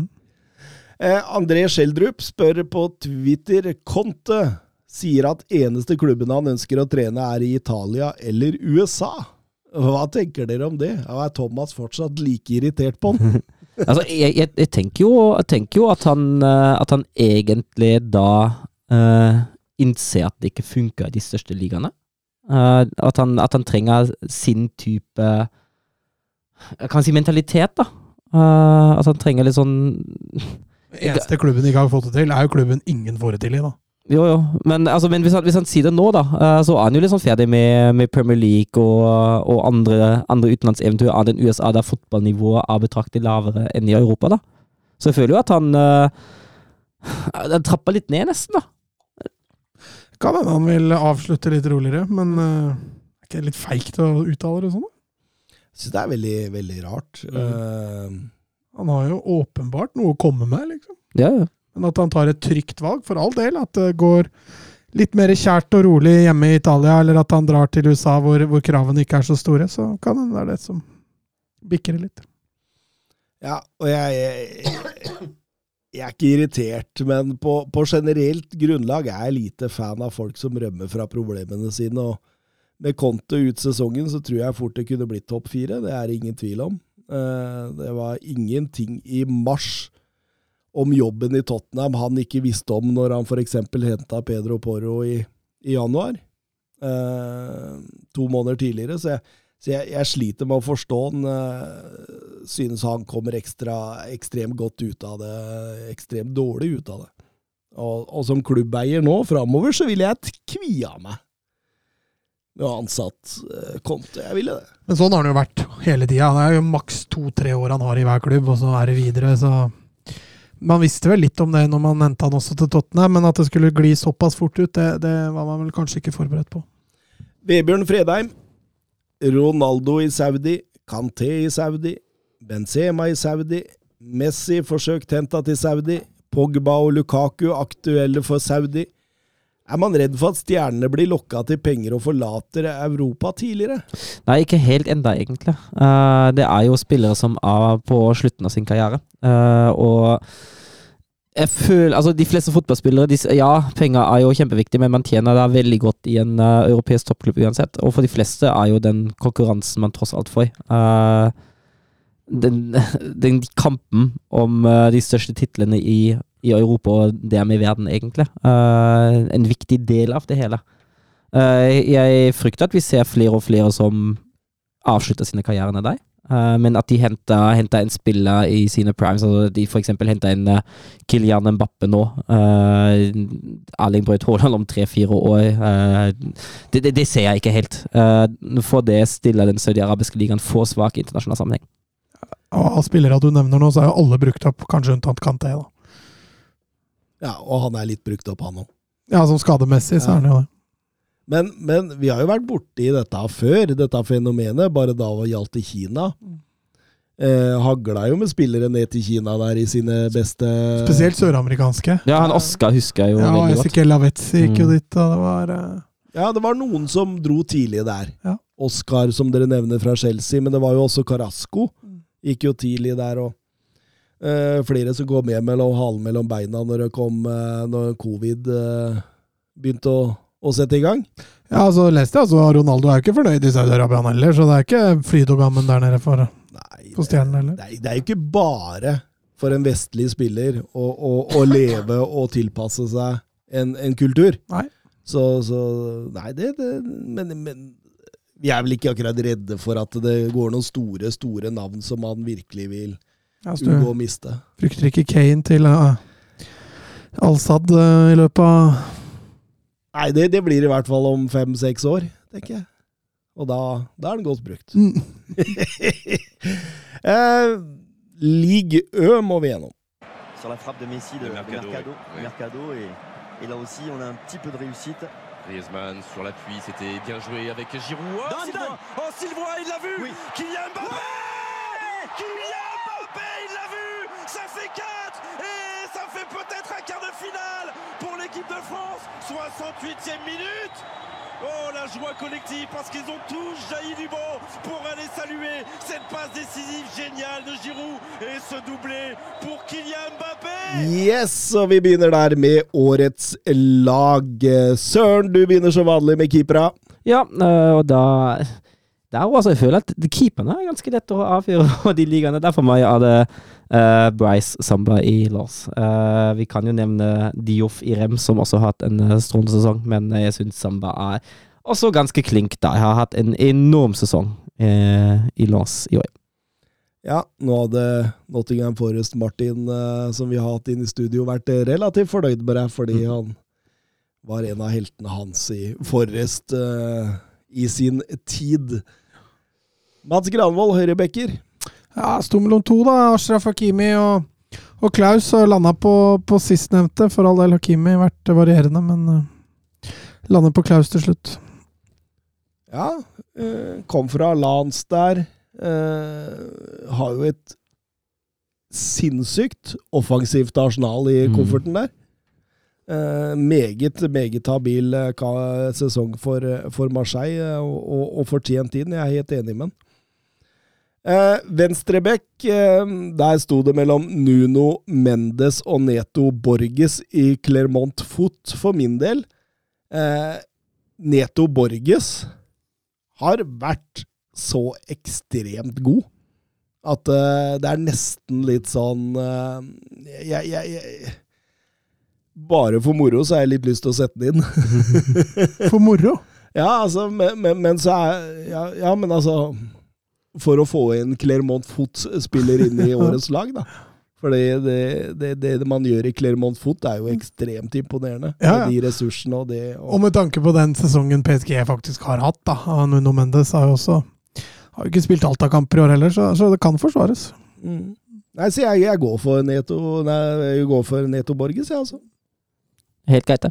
Mm. Får, jeg, får jeg den, altså? Ja, du får den. Å, deilig. Jeg er ikke forberedt på å krige inn Nuno Mendes, så det går bra. Nei, han Eller litt opp og ned. Eh, stopper det, Søren. Ja, eh, det er jo kanskje også en som merker seg mest ut, da. Eh, Danso. Eh, han har vært eh, veldig, veldig god. Eh, så var det litt, mer, litt vanskelig på den andre stoppeplassen. Da hadde jo flere kandidater enn Bemba. Eh, Dante har vært, eh, har vært eh, veldig, veldig sterk i NIS. Uh, Marquinhos syns jeg jo alltid er en eh, fyr man kan nevne i den der. Uh, og så Medina, eh, også i Lars. Han har også vært god. Eh, jeg jeg veit ikke, jeg har litt lyst på Marquinhos, men uh, det er mange gode kandidater der, altså. Mm. Hva tenker du, Mats? Jeg landa på Mbemba og, eh, og Danso. Mbemba og Danso. Jeg har Mbemba, jeg også. Da, da, da vraker vi denne Ja, helt greit, det. Markinios. Eh, nå har vi vraka bra med PSG PSG er ikke i nærheten. Kommer litt framover. Um, Høyre kant. Ja, nei, altså Det, det smerta selvfølgelig litt den avslutninga Messi har hatt, men han hadde en strålende høstsesong. Og jeg har sagt det før, en, en liga med Messi skal ha han på årets lag, så da blir det høyrekant på min del. Ja, altså den, han med klart flest assist i liga også, ja. Ja, var veldig mye bedre før VM enn etter VM, men, eh, men totalt sett så er jeg helt enig i at han skal inn. eh, Egentlig godt utfordra Benjamin eh, Borrejo i, Mm. i renn, som har vært eh, strålende, og, og, og Frank Honorat i, i Brest. Men eh, ja, Messi skal få den, jeg er helt enig. Da får jeg venstrekanten, og det er vel den letteste av dem alle. Ja, det er helt riktig. Kylian Mbappé, vi trenger ikke å dvele noe særlig mer med det. Eh, sentral midt, Søren, der var det flere. Der var det flere. Der er det mye å velge. Uh, Fofana, Rongia, Kabila, Turam. Jeg kan til og med nevne Viratti, Savanier, Lefé og van den uh, Bomen som en liten outsider. Uh, Fofana uh, som den balanserende. Uh, for meg er ganske klart det valget også. Uh, Han er klink, faktisk. ja, han er klink. Uh, offensivt, for den offensive står det egentlig for meg mellom uh, Kabila og Savanier, som begge to har hatt uh, veldig veldig gode sesonger. Og jeg lander til slutt kanskje på Kabila, ja. Da har du de to sentrale jeg har, så hvis ikke Mats har noen innvendelser der, så Ja, det er to mot én uansett, det, så Men hadde du noen Nei, jeg har ikke det. Nei, nei, nei men da er det jo, da er det jo tre mot null, da. Det er tre Det, det, det, er, det, er godt når man skal Taper vi den? Eh, Spissene, Mats. Ja, litt rann å velge mellom der. Franske spisser, eller, eller spisser i Ligue Ø, er jo, er jo spennende. Eh, Balagun, som har hatt et lite gjennombrudd i år. Eh, Openda, som vi har snakka mye om, har vært strålende. Eh, Jonathan David eh, har vært fantastisk. Lacassette, som er eh, bøtta inn mål i Lyon i år, har fått en gjenoppstandelse. Eh, Så, som vi egentlig spådde på forhånd. Ja, ja. Her kommer han tilbake til Lyon og kommer til å putte mye mål. Så jeg har landa på de to siste i, i, i Lacassette og Jonathan David. Er du enig i den, eller, Dupker? Ja, ja da. Ja, men det er jeg også, da ja, Vi var jo mye enige her, og det, det, det tyder på at vi har da fått satt et, et godt lag. Eh, Bri Samba i mål. Eh, Jonathan Claus og Neto Borges på hver sin eh, bekk. Kevin Danso og eh, Mbemba stoppere. Mbemba, det er helt sjukt at han kommer seg inn på det. Han, er- han er jo ganske begrensa, Mm. men, men morsomt. Messi og Mbappe på hver sin kant, de måtte jo med. Fofana og Kabea er de sentrale, med Lacassette og Jonathan David på topp. Bra lag. Bra lag. Og så må vi snakke Det blei ikke Saudi-Arabia på Lionel Messi. Og hvor glad er du for det, Mats Granvold? På en skala fra 1 til 10? Ja. Fem? ja, du bryr deg ikke så mye? Nei, han- eh, jo, altså, det er bra for ettermælet hans. Hun En spiller jeg har vært veldig glad i. Altså Fotballspilleren Lionel Messi har jeg jo vært stormforelska i, så, så det hadde vært et skjær i gleden om han hadde valgt blodpenger og Saudi-Arabia. Jeg tenker det er en verdig avslutning. Han tar, tar et par år i Miami og får litt brunfarge på, på kroppen og kan kose seg litt der. Etter hva jeg skjønner, så blir han jo ikke fattig av å spille der heller, så Så han kommer nok til å leve ut eh, sine gode, glade dager i østkysten i Amerika. Mm. For det blei ingen Barcelona, Søren. Det var kanskje like greit. Det var like så greit. Jeg tror det er for alle involverte. eh, både Lionel Messi og FC Barcelona. Dette er greit at det ikke blir det. Han skrev jo at han var jo Han var i utgangspunktet villig til å vente lite grann, men Basha kunne ikke gi garantier for at han ville bli registrert. Mm. Og da tenkte han at det, gidder jeg ikke å, ikke å vente. Ny Mbappe-saga, skriver eh, Adrian Tømmernes til oss. Eh, Hva tror dere skjer?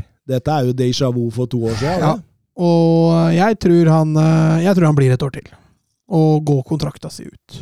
Tenk det, ja. Da blir Mbappe i så fall up for grabs gratis. Og det blir en krig.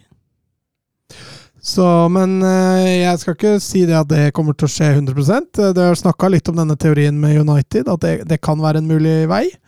Um, uh, Real Madrid skal stå klare med 200 millioner euro as we speak, Mm. og, og kjøpe den ut nå. Ah, Det, det, er, ah, det er så dårlig investerte penger i så fall. Det er ikke den spillertypen de trenger. Nei, det er, det er jo nok en altså, Det- det, det- nok en det- Bellingham-greie. da. det- Det, det- er altså- godt til være Ja, men det, det, er, jo, det er jo en Venitius. Og da, ja, da, men Venitius må jo hvile innimellom. ja, men da altså, skal, Så Det er greit å flette den inn når altså skal, du, skal du bruke Mbappe som spiss, da? Uh, Nei, det blir spennende å se hvordan de eventuelt skulle konstellert det greiene der. ja, altså, altså, har de, altså har de tre ganger den samme spillertypen på topp, da? Med Venitius og uh, Rodrigo og Mbappe, da? Mye fart. Ja. Da er det bare å holde seg fast når de setter fart. Mm. Jeg skrev på Twitter i går at jeg tror PSG er tjent med å selge han nå denne sommeren, og jeg begrunna det i tre, tre, det er tre ting jeg begrunna det i. At uh, Luis Campos er i ferd med å, å skal gjennomføre denne nye starten, altså den nye revolusjonen av PSG. Alt det gamle med å kjøpe stjerner og sånn skal ut. Ingen skal være større enn klubben. Eh, det gjelder FFP. altså Paris Saint-Germain er pressa av FFP eh, ved å selge Mbappe for en god sum nå. Så eh, får de større handlingsrom. Og så har det ingenting å si uansett. Det er den tredje. Altså, de vinner league Ø, og de kommer til kvartfinalen i Champions League. Både med og uten Mbappe. Altså, det har ingenting å si! Uh, nei, men jeg tror et PSG med Mbappe har muligheter i Champions League til å nå semifinalen. Ja, det har heller ikke så veldig mye å si i den store sammenhengen. Nei da, men la oss si du fjerner Messi og Neymar. da. Messi er jo allerede borte. Neymar kan fort forsvinne. Eh, Det er jo perfekt da å få solgt han. ja, men da har du jo også en perfekt kontringsspiller. da. Du kan lage et knallbra defensiv og kontre på de store laga. da. Med Mbappe, så han er en kontringsspiller aleine. Det er ikke Nei, jeg, jeg, jeg, jeg, syns ikke PSG er tjent med dette i det hele tatt. eh, For den lønna han har òg, da sparer de seg for en del millioner der. Ja, ikke sant? Som igjen går på FFP, det òg.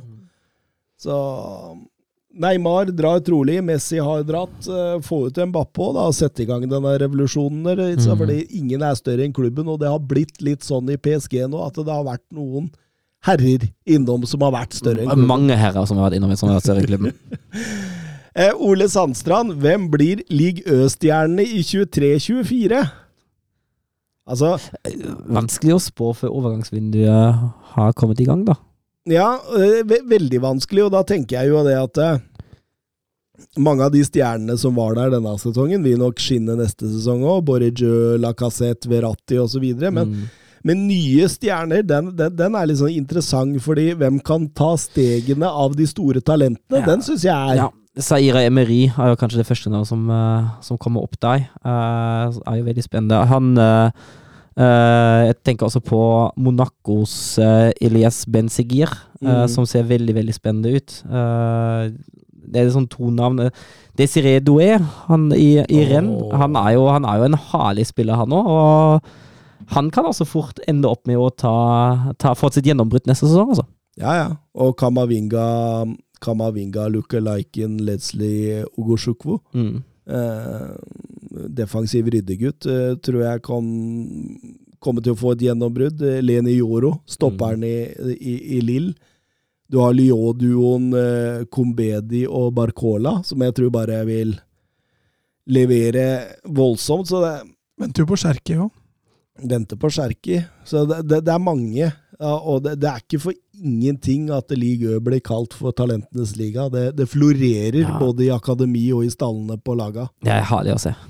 Det, det, det er veldig, veldig gøy. Du bare se hvordan fort det gikk med Kamavinga, fra vi på en måte prata om ham som et stort talent i renn, til han ikledde seg Real Madrid-drakta. Det tok Mm. ikke så lang tid. Nei.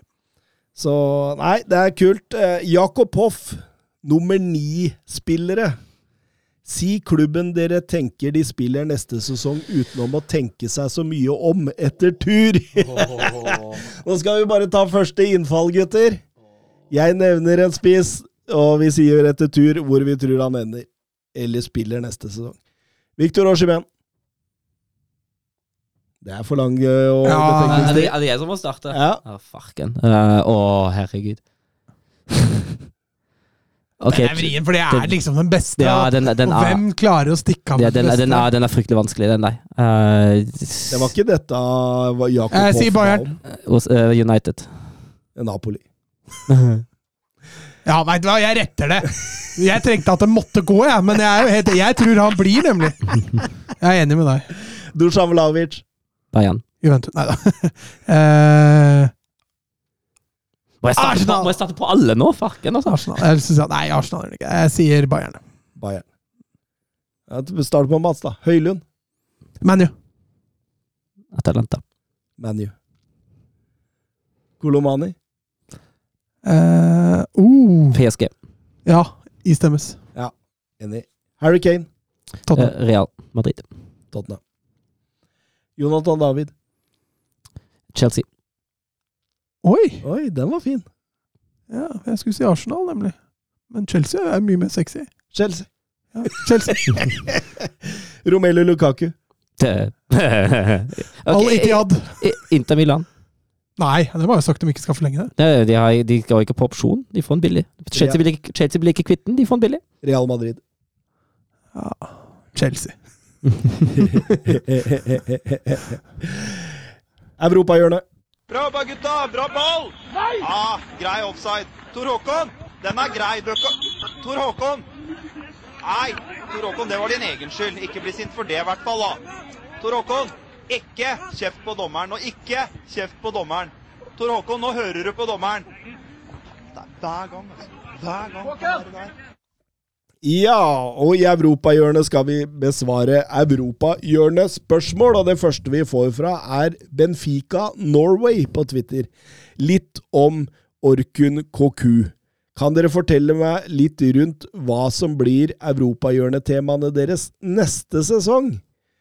Vi begynner med Koku, da, som kommer fra Feinor for 25 millioner euro. Eh, Dette er jo erstatteren til Enzo Fernandes, og nok en gang beviser Benfica rekruttering på aller, aller øverste nivå, Mats.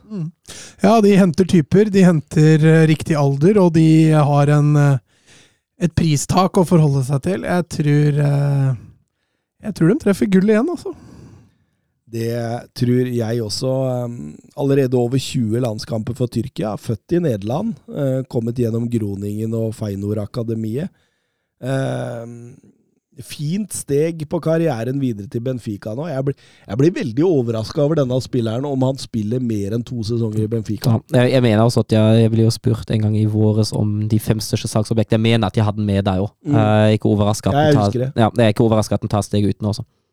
Eh, veldig, eh, veldig spennende å se. Eh, europahjørnetemaene våre neste sesong. Eh, Jeg, jeg blir på Ajax. Eh, Det er spennende å se hva som skjer i Ajax nå. Uh, om de får den gjenreisinga de trenger, eller om det går Ja, for sånn. Didrik Tofte Nilsen han skriver jo er Maurice Stein er Ja. ny, ny trener. Hva kan du si om han? Overraskende valg. Uh, jeg så ikke den komme, faktisk. Uh, han er jo oppfostra som eh, både spiller og manager i, uh, i Den her. Eh, har vært der lenge i ADO, før han eh, etter hvert uh, fikk sparken da og tok over VVV Venlo. Eh, et fantastisk klubbnavn. Han, Han stamma, han. Ja, han, han stamma han lagde Venlo. Uh, led dem opp igjen i, uh, i Æresdivisje. Var, var en kort periode i Al Varta FC uh, og i NAC Bredda, før han uh, nå har vært i Sparta Rotterdam. Uh, Berga plass med dem og leder dem suksessive oppover på tabellen. Avslutta på en kruttsterk sjetteplass. Um, og da har Ajax plukka han opp nå. Men han er ikke en typisk Ajax-trener. Uh, og det skal jo sies han har jo ikke vært i storklubber ennå, uh, så vi får jo se hva han har å hva han har å tilføye, men Dette blir Ajax sin poste Postekoglu. ja, på en måte, men på på en måte ikke for den spillestilen han har vist så langt, da. Eh, Det er ganske langt unna det Ajax uh, egentlig står for.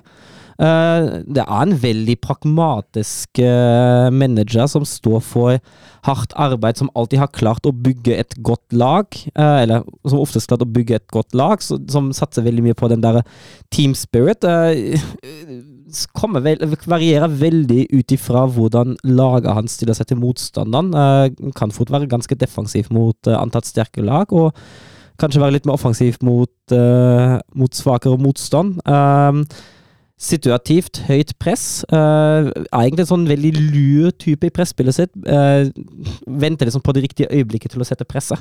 Uh, men har ikke vist den der spilledominansen, den der ballbesittelsesfotballen som Ajax egentlig står for. Og det kan jo skyldes at han ikke har hatt spillermateriale heller, som sagt. Han har jo vært veldig, veldig pragmatisk, så dette her er overraskende og veldig spennende å se. Jeg gleder meg til å følge det inn. Og jeg, jeg, det er sånn interessant å se om han eh, om han klarer å få inn den Ajax-stilen, eller om han uh, velger en annen approach med Ajax-laget. Og i så fall er det veldig interessant å se uh, hvor tålmodige supporterne er med dette. Der.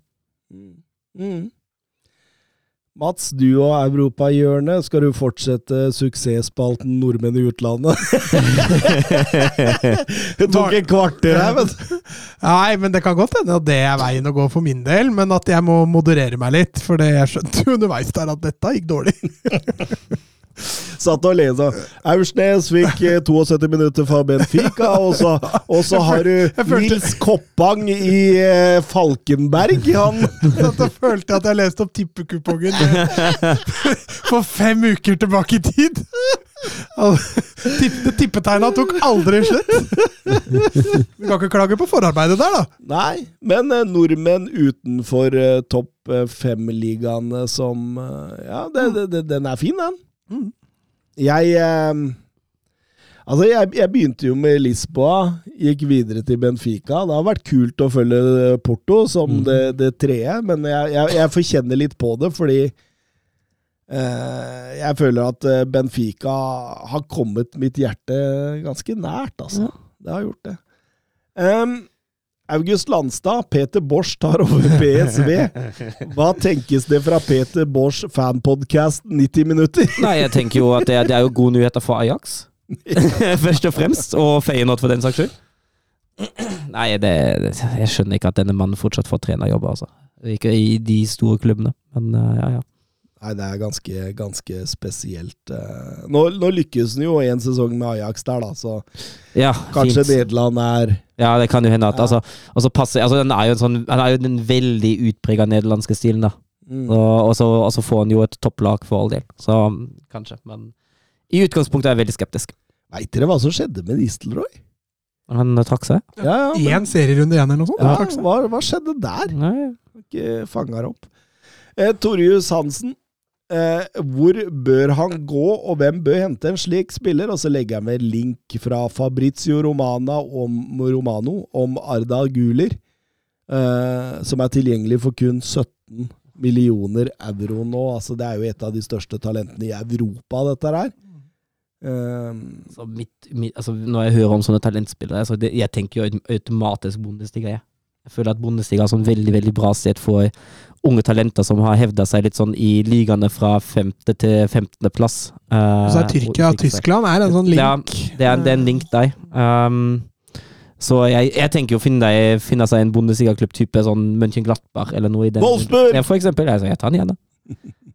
Men jeg tror, jeg tror han fort blir for dyr. Wolfsburg, Wolfsburg betaler ikke så store summer lenger, men uh, vi får se. Men altså, jeg, tenker, jeg tenker Bundesliga er perfekt. En sånn Bundesliga-klubb som henger litt bak de beste.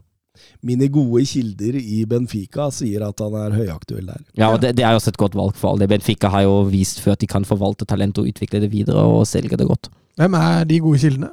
Eh, Benfica Norway på Twitter. Jo, jo, men det skal ikke kimse av. Nei da, nei, han, han følger dem ganske Ja, nøye, skjønner du. Jeg sitter og prater med ham på, på PM innimellom. Han syns det er veldig veldig ålreit at jeg snakker Benfica i Det kan jeg tenke meg. Mm. Så bra. Eh, Fredrik Konradsen, hva tror dere om Hugo Vetlesen og Odin Tiago Holms overganger? Ja, du tenker på om det blir suksess, så Hugo Vetlesen har jo en veldig artig spillestil. Eh, løper mye, god med ball, eh, bra basisferdigheter, vinnerskalle. Eh, så jeg tror at han er lettere å tilpasse, men det er klart jeg tror du bør gå til en klubb som spiller med indreløpere. Jeg tror ikke Vetlesen fungerer i en firer eh, på midten. Så, og Klubb Brygge virker jo som et veldig sunt karrierevalg, så det tror jeg er en suksess. Under Ronny Deila?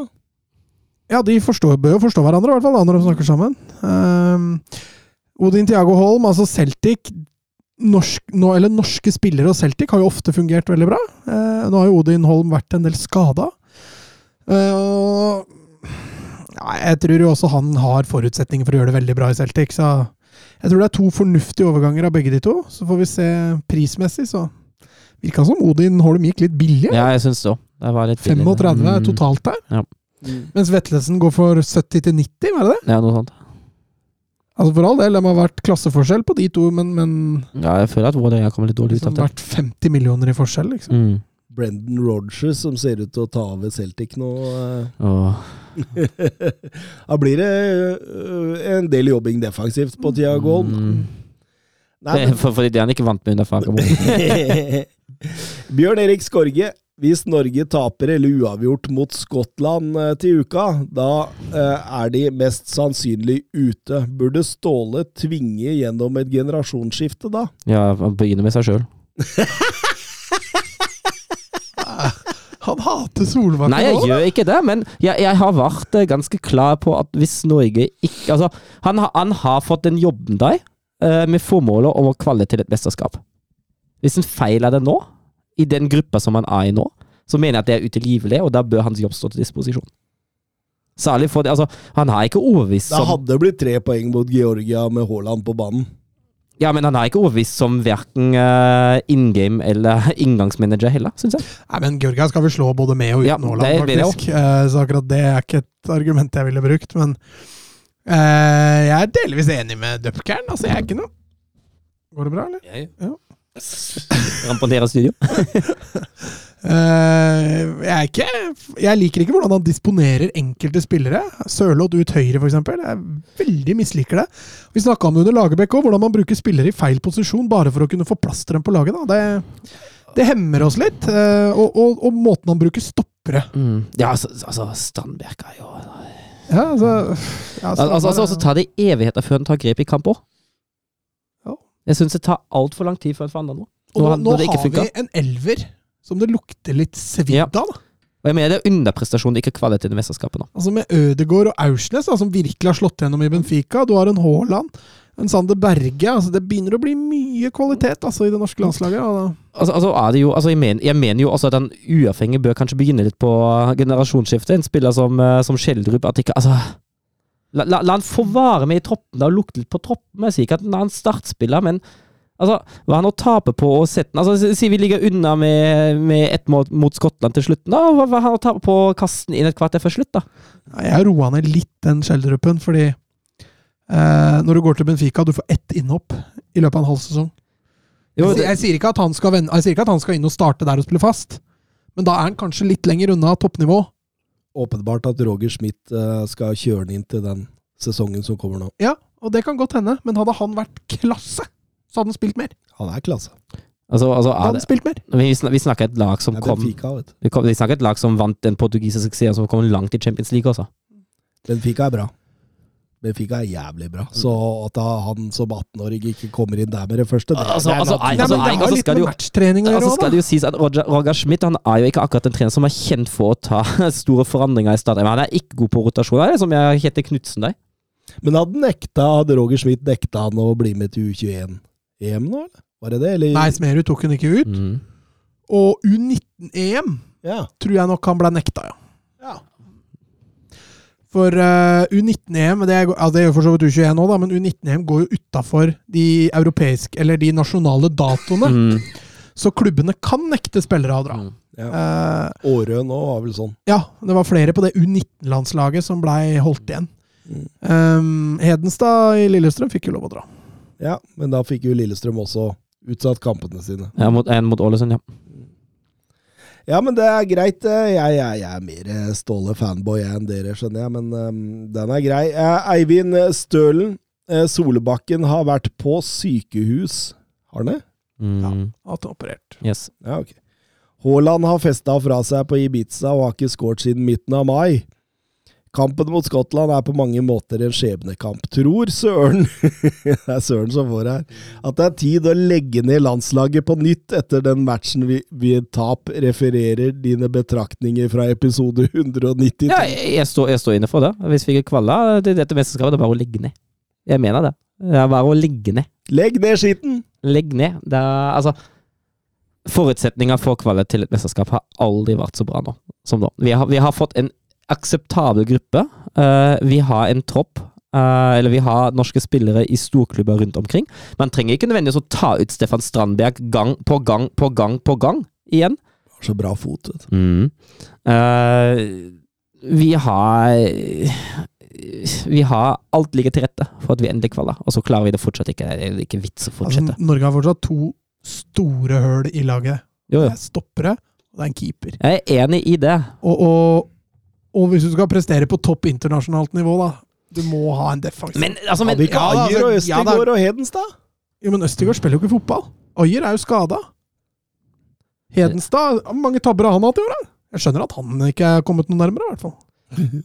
Men, men, men også, nå, nå drar jo halve Europa drar jo til EM. Det er jo 24 lag som er med. Ikke dette, altså Jeg sier ikke at Norge skal vinne EM eller komme seg ut av gruppespillet, men jeg mener at med tanke på at det er 24 lag som drar med Ja, tanke på det, den er- som ja, men jeg er helt enig i at Norge bør være blant de 24 beste nasjonene i Europa Ja. med den stallen man har nå, Ja. selv med de utfordringene man det, har i forsvar. det, det er det jeg mener. Hadde vi, hadde vi ryket ut med tre tap etter gruppespill, hadde jeg ikke sagt noe som helst på det. Det er helt greit. Men at vi ikke kvaller engang, det er, det er fryktelig, fryktelig svakt. Men at vi skal legge ned, det er jeg enig i. Det får det være. Jeg mener, legg ned. Jørn Henland, covid rammer hele norske A-lagstroppen, og dere skal ta ut 24 nye mann. Hvem ville dere tatt ut, og hvordan vil laget se ut? Å ja! Skjeldrup er klink. Schjelderup er klink. Ja, Begynn med keepera, da. Eh, Hedenstad. Hedenstad, Kristoffer Claesson og Jakob Karlstrøm. Den er, den er grei. Ja.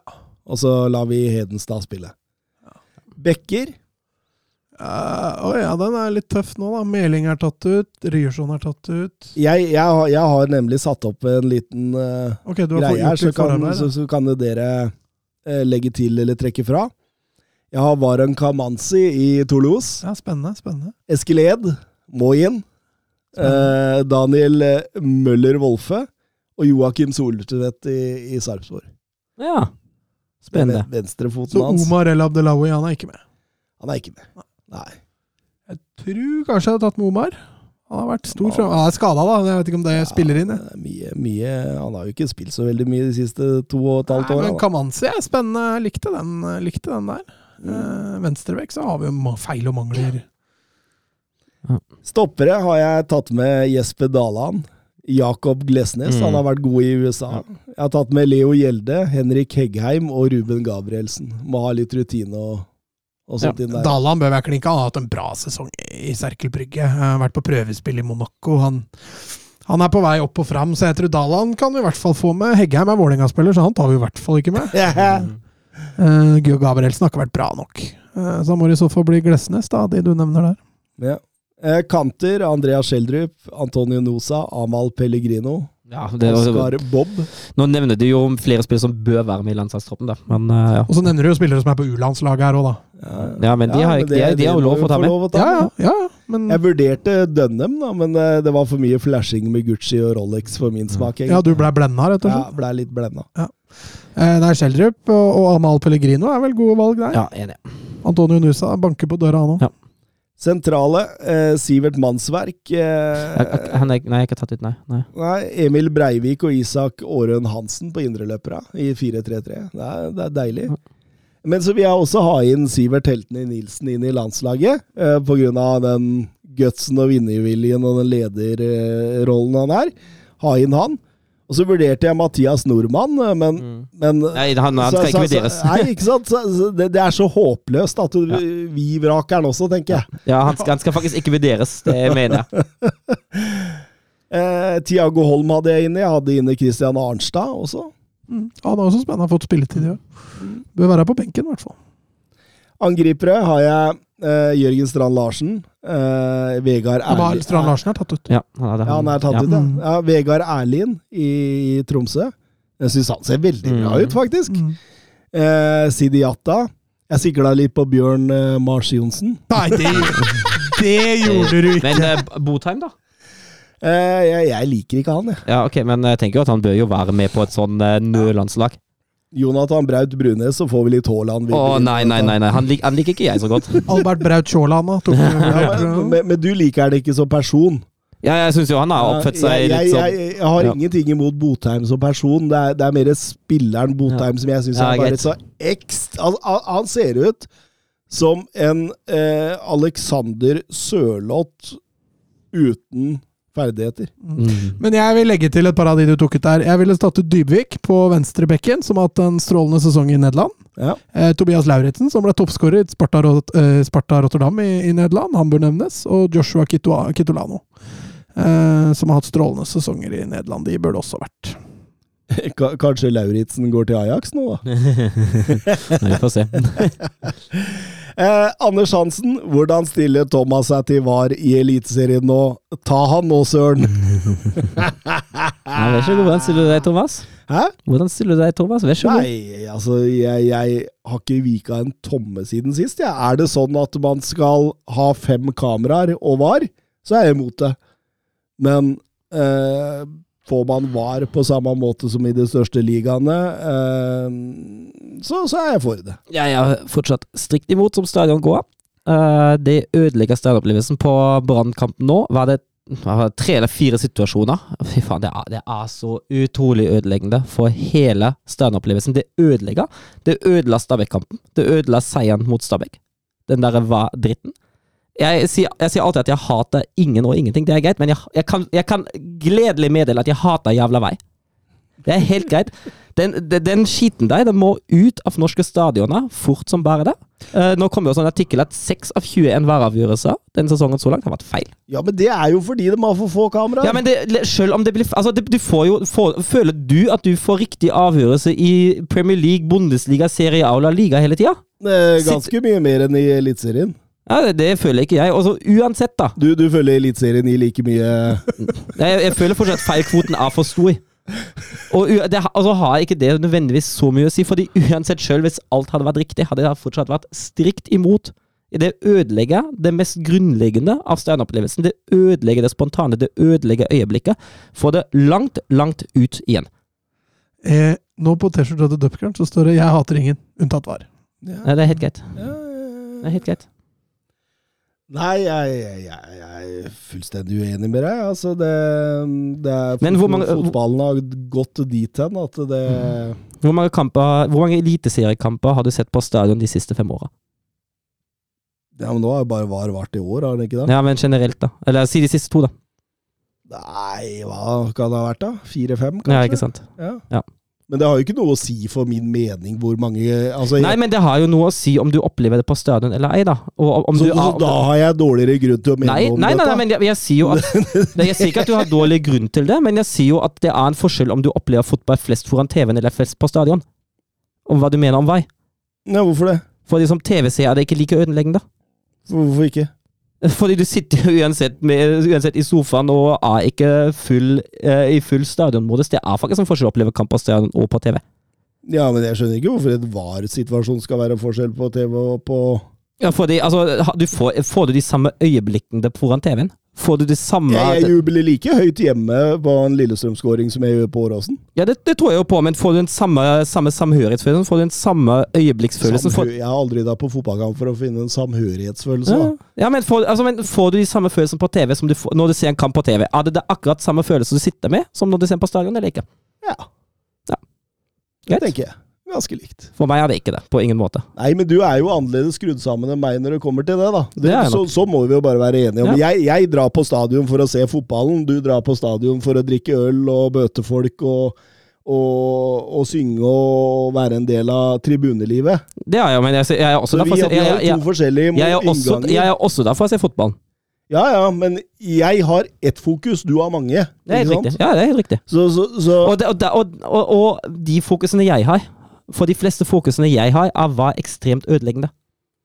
Ja, ja og, og derfor får du lov å ha din mening, men jeg skal ha min mening. Om at jeg tenker det at eh, jo, jo større rettferdighet det ligger i det Men det blir jo ikke rettferdig med jo, vei. det blir rettferdig hvis man utvikler dette og får flere kameraer og følger Europa, så vil det bli større rettferdighet. Det vil det ikke bli. Ja, hvorfor ikke? Fordi du har fortsatt feil. Altså, hvor mange ganger har ikke vi sittet den sesongen her og diskutert vareavgjørelser som har blitt feil? Altså, Hvor mange ganger satt vi og diskuterte ja, dommerfeil det er det samme, det samme greia, men det blir i hvert fall ærlig og reint, da. Ja, men da, da slipper man det der at eh, Bodø-Glimt sentrer tilbake, og så scorer Rosenborg, og så blir det offside. Da slipper man de der, der da. Ja, men de- vi gjør jo åpenbart ikke det. Altså, var klarte jo ikke engang å se om ballen var inne i mål eller ei? I Nei. flere anledninger. Nei, men fordi Men, men, men du, du tar jo alltid eksempler på ting jeg sier at det, de tinga her må vi forbedre. Altså golden eh, technology, det må vi ha inn. Ja, det, og det, er jo, det er jo helt enig, golden det, er jo helt enig at vi, jeg vil ha golden Technology inn, men poenget mitt er at Hvor lenge har VAR vært i Europa nå i tusen? Har vært i fire-fem år? Det har ikke blitt bedre i de fire-fem åra i det hele tatt. Oh, det Nei, det det, det er samme tulle, tullet, det er samme ødeleggende ødeleggende Det har blitt færre Det har gått fortere. Det, det, det, det- sier folk- jo- det, det altså, sier eh, Ja, men det sier Om jeg må vente, altså om jeg må, om jeg må holde igjen feiringa, spiller det ingen rolle om det tar ett minutt eller to minutter til feiringa blir ødelagt? Det spiller Men da Hvorfor må du holde igjen feiringa? For jeg ikke veit om, om målet blir stående Spillere eller ei. holder jo ikke igjen feiringa. Nei, men jeg veit jo ikke om målet blir stående eller ei. Ja, men spillere mål øh, jubler jo. Ja, Det får de bare gjøre, men jeg gjør ikke det. Hvorfor ikke? Det er fordi jeg ikke veit om de blir stående. Ja, men du har, du har en viss eh, Altså noe Jeg står, skjønner- når jeg skjønner står det at du- bak mål og ikke ser om ting er offside jeg, Jeg jeg sitter alltid med prate, jeg òg. Ja, det er greit. Jeg var ikke ferdig. Nei. Greit, jeg tror ikke dere blir enige allikevel. Nei, vi kan gå videre. Eh, Geir Halvor Kleiva, eh, hvilken norsk klubb hadde passet å bli tatt over av Red Bull? Molde. Nei, men de har så mye fra Ja, før. Bodø-Glimt. Ja, De har mye fra før. Ja, men de har ikke de, Altså, de De passer med tanke det for den filosofien som de har. Ja. Supporterfiendtlig. Uh, oh, ja, sånn sånn at det var veldig kommersielle. ja, litt liksom. sånn, litt sånn, litt sånn, litt sånn okay. stormannsgale der oppe, da. Ok, Det ok. føler jeg ja, hadde da er passet. kanskje Bodø-Glimt bedre. Eh, Ros Nei, ikke Rosenborg. Ja. Det hadde vært veldig gøy om, om noen tok over sånn RB Molde. Ja. Eller RB Sandefjord, og han hadde tatt over noe sånn der Sett hvor langt opp de hadde fått det. RB Sa- Sarpsborg. FF Sarpsborg. Nei, eh, Sarpsborg er jo kjent for litt wheeling og dealing. De henter jo spillere og utviklere. Diata, Ban og Mm. Det er jo litt sånn Ja, men altså, Red Bull-systemet, det er jo å utvikle spillere og selge dyrt. Mm. Så Bodø-Glimt har jo egentlig Ja, men der kommer jo alle hjem, da. Så det er Hvis Knutsen hadde gått til Ajax hadde tatt et halvt år, så hadde han stått på Aspmyra der igjen. Ja. De liker det kjent og kjært. Nei, skal vi si eh, ha det bra? Ha det Adjø.